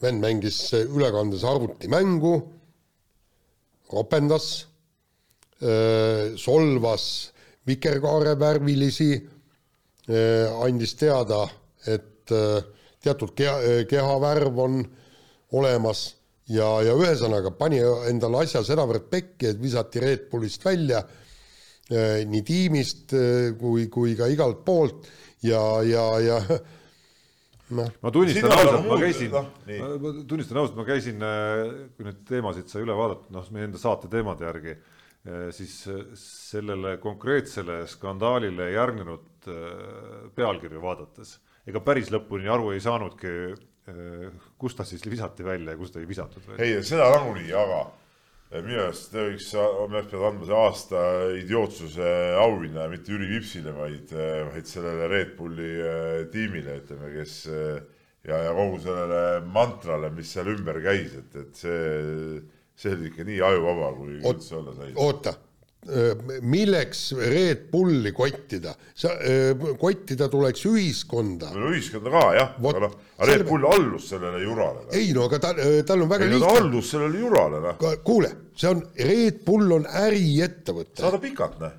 ja saadad pikalt ja mis sa arvad, et kasseerid siis sellele äh, pikalt päris suuri kahjumeid, eks. jah, ja täpselt sellest päevast peale sa kujutad ette, kui sa et keegi peaks Red Bulli joonud no mitte keegi, aga ei, aga sellest oleks võinud niisugune möll tekkida. säilitad selgroog. kuule, see, sellest oleks võinud tulla niskene möll noh, et teatud teatud ringkond, siukse jura peale ei saa nagu siukest aplauat üles kuule ja tõmmata. siis ongi tea, teatud, teatud suur, suur kogukond, see kogukond ja teine kogukond, ma ei julge siin midagi välja öelda, mind tühistatakse. ei no okei okay., nii, ei, aga nad, nad, nad, ei, kokku, et Jüri Hüps noh, suhteliselt ru- rumalalt, rumalalt käitus, on ju, aga ainuke rumalus on see, et ta lepime teisest ei, aga teisest ei, külje, ei lepi kokku siukest asja, mida sa praegu ütlesid, mitte mingil No. juhul. ainuke rumalus, mis ta tegi, oli see, et ta kuskile internetti näitas seda, kuidas ta mängib arvutimängu, muud mitte mingit rumalust ta ei teinud. ei no okei okay,, siin ma jään ka eri meelt, aga, aga küll olen ma sama meelt sellega, et, et, et see ei pea tähendama nagu nii, nüüd on kõik, kaotame Jüri Vipsi ära see ei, see ei olnud nagu sellel skaalal. sul on ka liiga gei särk täna seljas, mis on olnud, see mingi solvamine? see ei olnud sellel skaalal. kas see solvas sind kuidagi? see ei olnud sellel skaalal. ei olnud sellel skaalal, aga ma veel kord ütlen, see on meie liberaalne no see ongi see, see ongi see Euroopa, see tsivilisatsioon, millest, millest Pohlak rääkis. jaa, aga see on ka see osa, millega ma olen nõus. et, et nagu me ei, me ei pea äärmustesse minema jaa, aga mine tee selgeks teatud seltskonnale. ei no see käib mõlema seltskonna kohta, loomulikult ongi üks äärmus toob esile teise ja vastupidi no,. praegu ikka toob kuskil, ikka see, kus see üks äärmus toob seda ei, no ei ole no,, mis see jama on, et kuskil on see seltskond, kes ütleb, mina pean saama nii-öelda saama, mis siis, et see solvab, mis siis, et see kõlab halvasti, mina pean nii saama teha ja siis teine noh, kellelegi, kes, kes siis nii ütleb, tühistab selle ära võimalusel, noh, et need on need kaks äärmust, kus me elame siin. et mulle, mulle absoluutselt see ei meeldi et see peab käima nagu ainult niimoodi nagu lausmust ja lausvalge. nii, aga läheme kolmanda koha juurde. nüüd küll trummid põrisevad ja koerad lõrisevad. Kelly Sildaru võitis Pekingi olümpial pargisõidus pronksmedali ja ütles ise, et rõõmustas iseendale võidetud äh, pronksile rohkem, kui oleks rõõmustanud isale võidetud kulla üle, isegi treenimise, isaga treenimise lõpuks oli sport mulle muutunud nii vastikuks, et ei tahtnud enam suuski nähagi väga avameelsed no, sõnad. väga ja, ja, ja, ja kõva asi, mina ütlen, et eh, olümpiapronks on olümpiapronks ja parim naissportlane. ütleme niimoodi, kui, kui võtta see. sa panid Jaan ta parimaks naiseks või? Ei mäleta. kelle sa panid? Jaan. Äh, ei, tõesti ei mäleta see tuleb välja alles selle. ei, ei ma tean. ei, ei, aga ma. ta ootab, Jaan ootabki seda mm. võimalust, et see välja tuleb, mina ei hääletanud. miks? lihtsalt ma ei, ma ei aus, kui päris aus olla, ma ei, ei tunne ennast nagu noh, tegevspordi ajakirjanikuna, see on see põhjus. no mis hääletada ikka võib ju. no ei, ei, ei ole nagu tundnud, et, et ma peaks seal osalema, las tegevajakirjanikud äh,. aga liige oled no liige olen jah, võib-olla ei peakski nii, aga mis ma tahtsin öelda. volitusega viimane kord üldkohul. jah, et ma teen tagantjärele äkki avalduse lahkuda tagasiulatuvalt, nii et siis kaob, kaotab see volitus ka veel äh, kehtivuse. ma ei taha teada, mis sa selle volitusega kõik seal ette võtsid mis otsuseid minu kaasabil äh, sündis. ma ei ole, protokoll ei ole minuni jõudnud veel nii, aga Kelly Sildarust. nii, ma tahtsin öelda, et, et selles kontekstis on see pronks hea, nagu ta välja ütles, et tal hakkas see sport vastikuks muutuma kõik nii. no jah, samas tegelikult, äh, tegelikult me ootasime ju kõike rohkem kui seda ühte pronksi. et, et, et kus kohas need asjad kõik käest ära läksid ja kõik ja ja, ja mind häiri, häirib ikkagi natukene see, et, et, et nüüd me oleme sellest isast sedavõrd distantseerunud, et me oleks võinud ühe hea sõna öelda. aitäh isale, et ta aitas mind sinna tasemele. seda küll, jah. eks ole no,. jaa, aga jah. just. no mis on jah, selline huvitav küsimus, millest ei ole väga hästi aru saanud veel, on, on nüüd tulevikku vaadates see, et et jah, avalikkus harjus ära aastatega, et noh, põhimõtteliselt Kelly Sildaru on stardis ja Kelly Sildaru võidab et, äh, et selles kontekstis, nagu sa ütlesid, äh, oli mis iganes värvi medal juba, juba kordaminek ja olümpiamedal ongi igal juhul kordaminek. aga et kas nüüd nagu suurde pilti pannes ja tulevikku vaadates on ta ise sellises äh, nagu seisundis nüüd, et, et jah, et ongi iga medal kordaminek või, või on ta täis nagu veri ninast väljas selle peale, et pagan, ma pean ikkagi maailma ainuvalitseja olema uuesti ja tagasi, et et kas tal on see nagu mõttemuster tulnud, tulnud nüüd sisse, kui see nii-öelda see vana kontekst on ära kadunud sealt ja noh, liigume eluga edasi või, või pigem, pigem ei ole? no pigem ei ole, kuigi, kuigi ma, ma ise vaikselt, vaikselt lootsin, loodan, et mis, mis on kõige parem näidata isale. et, et, et see võib olla see, et, et sinu treeningud ja sinu lähenemine ei olnud õige on see, et mul on uus, uued treeningud, uued lähenemised, uus treener, aga ma olen sama, sama kõva.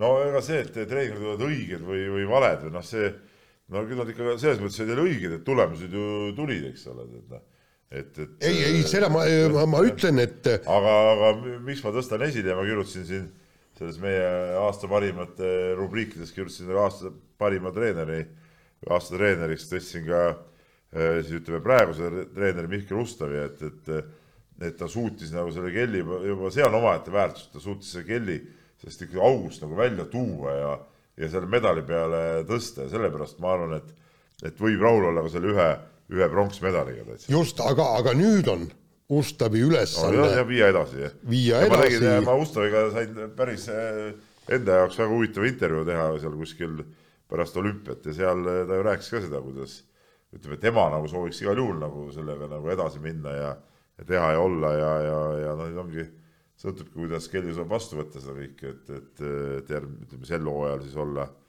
olla tipus, no ütleme, paar võistlust juba olnud, et, et ega no, midagi hullu ei ole ju mulle tundub, et Mihkel Ustav on, on selgelt viimase paari aastaga Peebu südame võitnud lausa. no ta on spordimees. on ikka käinud läbi mingisugune krõks. ei ta on spordimees, ma ütlen. nii. oli skepsist algul? Oli skepsist jah, aga noh, et äh, jah, aga ei ole tubli mees. koht number kaks ja kohalt number kaks leiame Ott Tänaku triumfi Soome rallil justkui autoga, millega väidetavalt ei, ei oleks tohtinud nii kiiresti sõita. Äh, Ott Tänak sõitis ja pani Kalle Rovanpera, pika oli tema enda no see oli, see oli selgelt number üks tegelikult, selle ma ei saa aru, miks ta siin taga number kaks on. aga see oli selgelt äh, spordiaasta kõige, kõige võimsam asi, oli see, et Tänak äh, ja Martin Järveoja Soomes võitsid just jah, sellises olukorras, kus näiteks just eelmisel Rally Estonial olid äh, olid äh, pikalt kaotanud. Äh, kahe, kahe minutiga. Romperale ja siis Soomes, no mis pidi olema Rompera nii-öelda triumf, no soomlaste jaoks Soome ralli võit on üli, üli-ülioluline asi. seal suudeti see ära rikkuda ja, ja nagu ei kusagilt see võit äh, ära võtta ja nagu kindlalt ka veel, et see oli see oli, see oli võimas emotsioon ja võimas elamus igal juhul.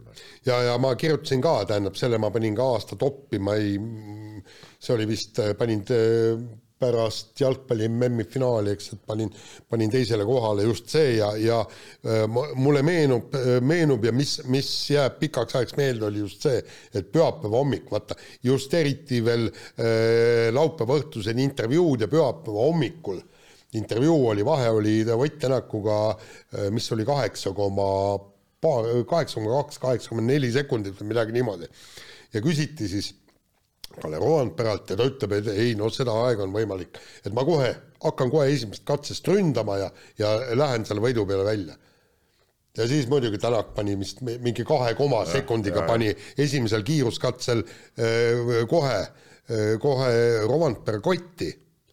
ja, ja põhimõtteliselt poisil lõppes selle, sellega lõppes kõik e-, enam ta, no ühesõnaga mulle tundus, et, et Rovanpera sõitis sellel katsel natukene üle piiride. aga ikka sai Tänakult pähe. et, et, et sellest hetkest lõppes tal igasugune lootus oli pühitud aga noh, Ott Tänak on ise pärast rääkinud, et äh, ega ta süsteemselt sõitiski sellel rallil nagu natuke kiiremini, kui võib-olla oleks pidanud. kui oleks oli, pidanud nagu mõistlikult, oligi, mõistlikult võttes sõitma. see kõik oligi nii võimas, see kõik oligi nii võimas. ja kusjuures Tänak on viimasest neljast Soome rallist võitnud kolm, eks ju ja ühe võitis Evans. jah, nii on.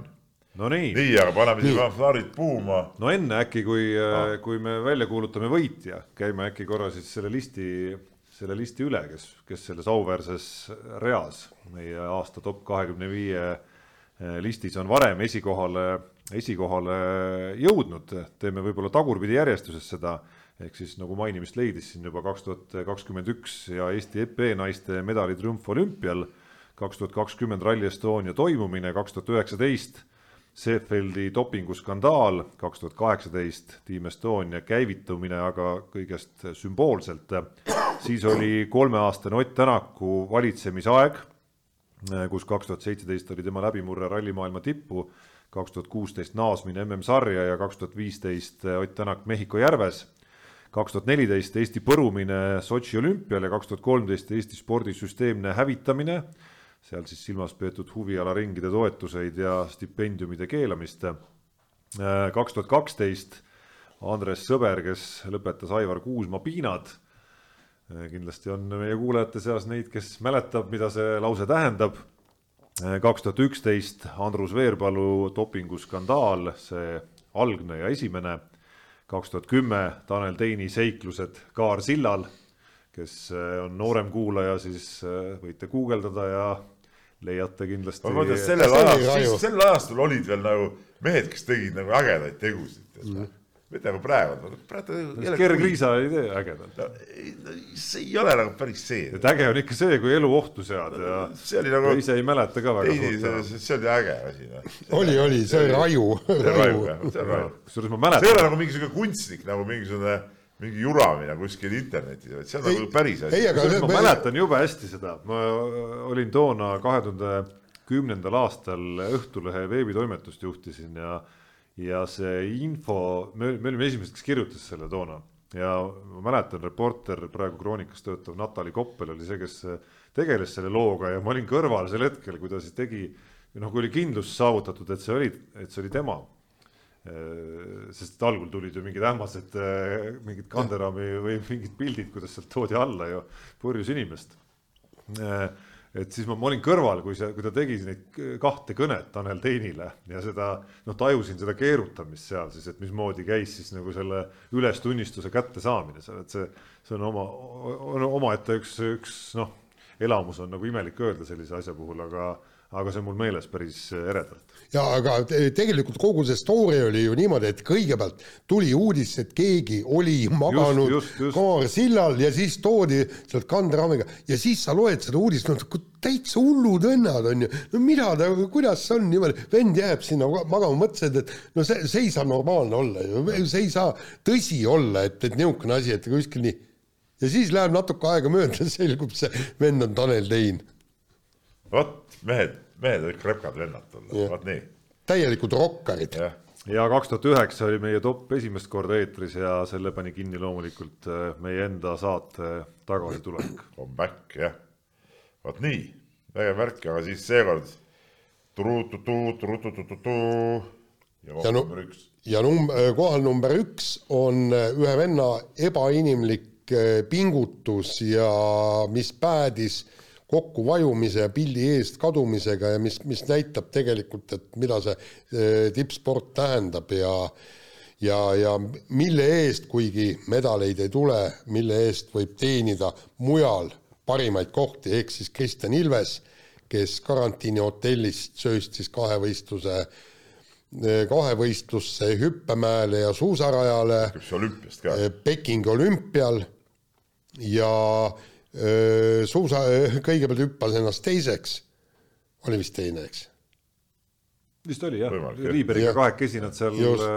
tulid karantiinihotellist ja, just. ja, ja käed taskus põhimõtteliselt lendasid kõikide eest ära. ja, ja, ja siis suusarajal suutis välja võidelda ja pigistada üheksanda koha, kusjuures Riiberit seal pillil ei olnud rohkem. ja üheksas koht tähendas ka seda, et EOK palk ja kõik muu, aga, aga see, kuidas see üheksas koht tuli, me just Tarmoga äh, meenutasime see, et, et kui, kui lõputõusul, viimasel tõusul ükskord pilt sealt äh, ära läks sellest kupist, kus, äh, kus Kristjan Ilves sõitis, et, et siis jäi niisugune tunne, et nii, nüüd vajubki kupist läbi ja kuskil kolmekümne kaheksandal lõpetab ja midagi ja siis, kui tuli finišisirgele ja vend paneb ja, ja, ja seal pressis ennast. ta võttis sealt ju ühe koha veel põhimõtteliselt lõpuga ära, et ja. ja seda olukorras, kus äh, ta hiljem rääkis, et et ega ta viimasest paarist kilomeetrist vist ei mäleta suurt midagi või, või no mingi distantsi osa seal lõpus oli, mis põhimõtteliselt oli, oli kõik üks must, must suur äh, auk seal. no arstid tormasid kohe ligi, sellepärast et jalgu alla ei võtnud, pilti ette ei saanud. Ja siis meie ootasime ka ju kannatamatult mix zone'is, eks, ja öeldi, et, et vend on omadega nii teise, teises ilmas, et et, et siit nagu juttu ei saa, et siis pressikonverents toimus hiljem ja kõik, et see oli, see oli ju seda müstilisem, et kõik need rajad seal ja kogu see tingimustik, mis seal olümpiaradadel toimus nii selle raja profiili kui ka kogu selle nii-öelda õhu osas, kus nad võistlesid, me nägime neid haamreid ikka tohutult palju ja mingeid ebareaalseid ärakukkumisi. et sel hetkel, kui Ilves kadus nagu pildist, telepildist ja, ja siis tundus, et noh, arvestades, et mees ei ole trenni saanud teha kaks nädalat korralikult ja on pisut haige ka veel olnud, et noh, siis on selge, noh, enne kolmekümnendat meest me umbes äh, Ilvest ei näe, kui üldse näeme seal.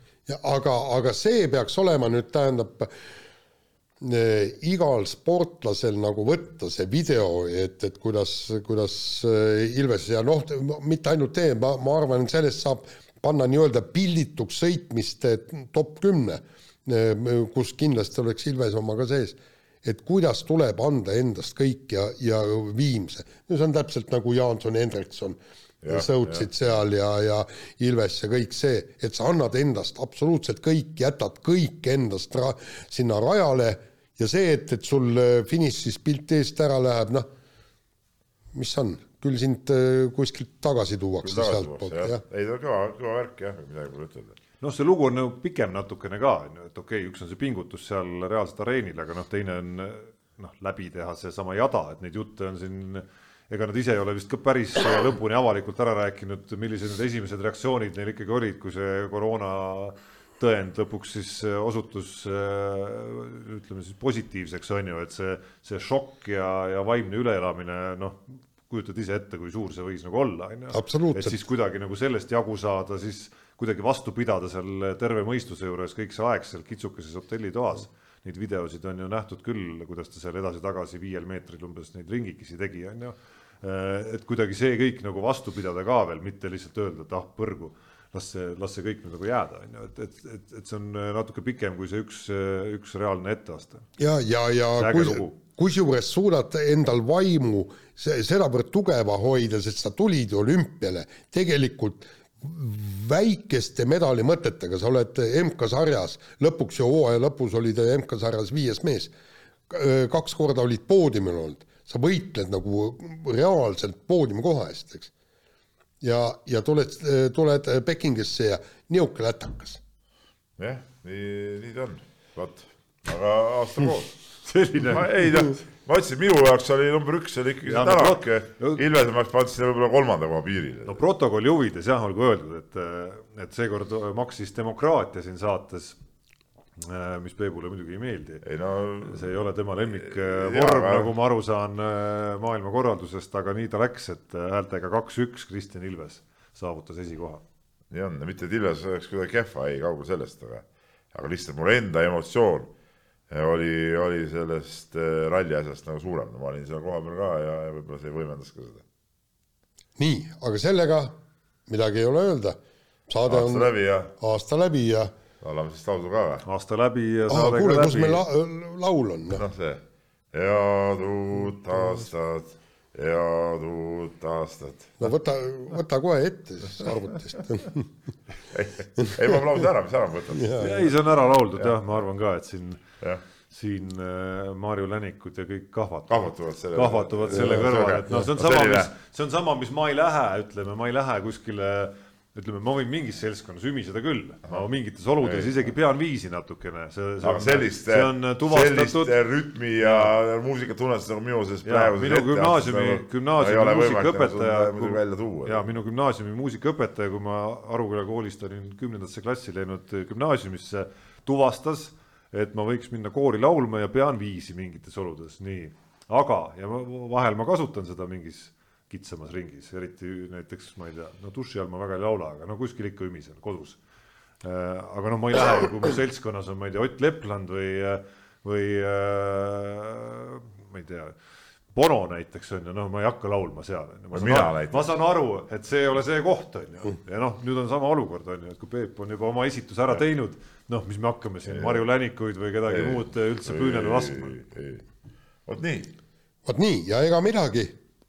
Spordiaasta hakkab kohe pihta ja, ja kahevõistleja, seesama Kristjan Ilves on Otepääl äh, kenasti stardis panime ja pinged peale praegu. panime praegu pinged peale. plaan minna vaatama ka nii. et kui ikka pilti eest ära ei sõida ja, ja ei vaja õhtuni kuidagimoodi turgutamist ja talutamist, siis, siis on küsimus põhjendatud, et mis juhtus. jah, ja siis paneb täiega edasi. mina põrutan äh, Monte Carlosse, no ülimalt põnev on see Monte Carlo etapp, kuigi, kuigi ta, ta ei anna võib-olla mitte mingis, isegi mitte mingisugustki pilti tulevi-, tulevikust, aga, aga ikkagi on äge, äge vaadata, kuidas Ott Tänak no, tuleb, tuleb huvitav aasta, tuleb huvitav sport, see on fakt. asju on palju. on, mida vaadata. sellega saade läbi ja kuulake meid siis nagu tavaliselt teisipäeval. ja, ja kuulake, vaadake, siis on meil on kusjuures üks uus kuulamisplatvorm ka veel, Delfi tasku sai oma äpi valmis, nii et podcast on nüüd otse võimalik sealt ka kuulata, salvestada oma lemmikuid. ärge sealt kuulake, ärge sealt kuulake, vaadake ikka, vaadake ikka otsepildiga. jah, just. mehed ei nuta. saate tõi sinuni Unibet, mängijatelt mängijatele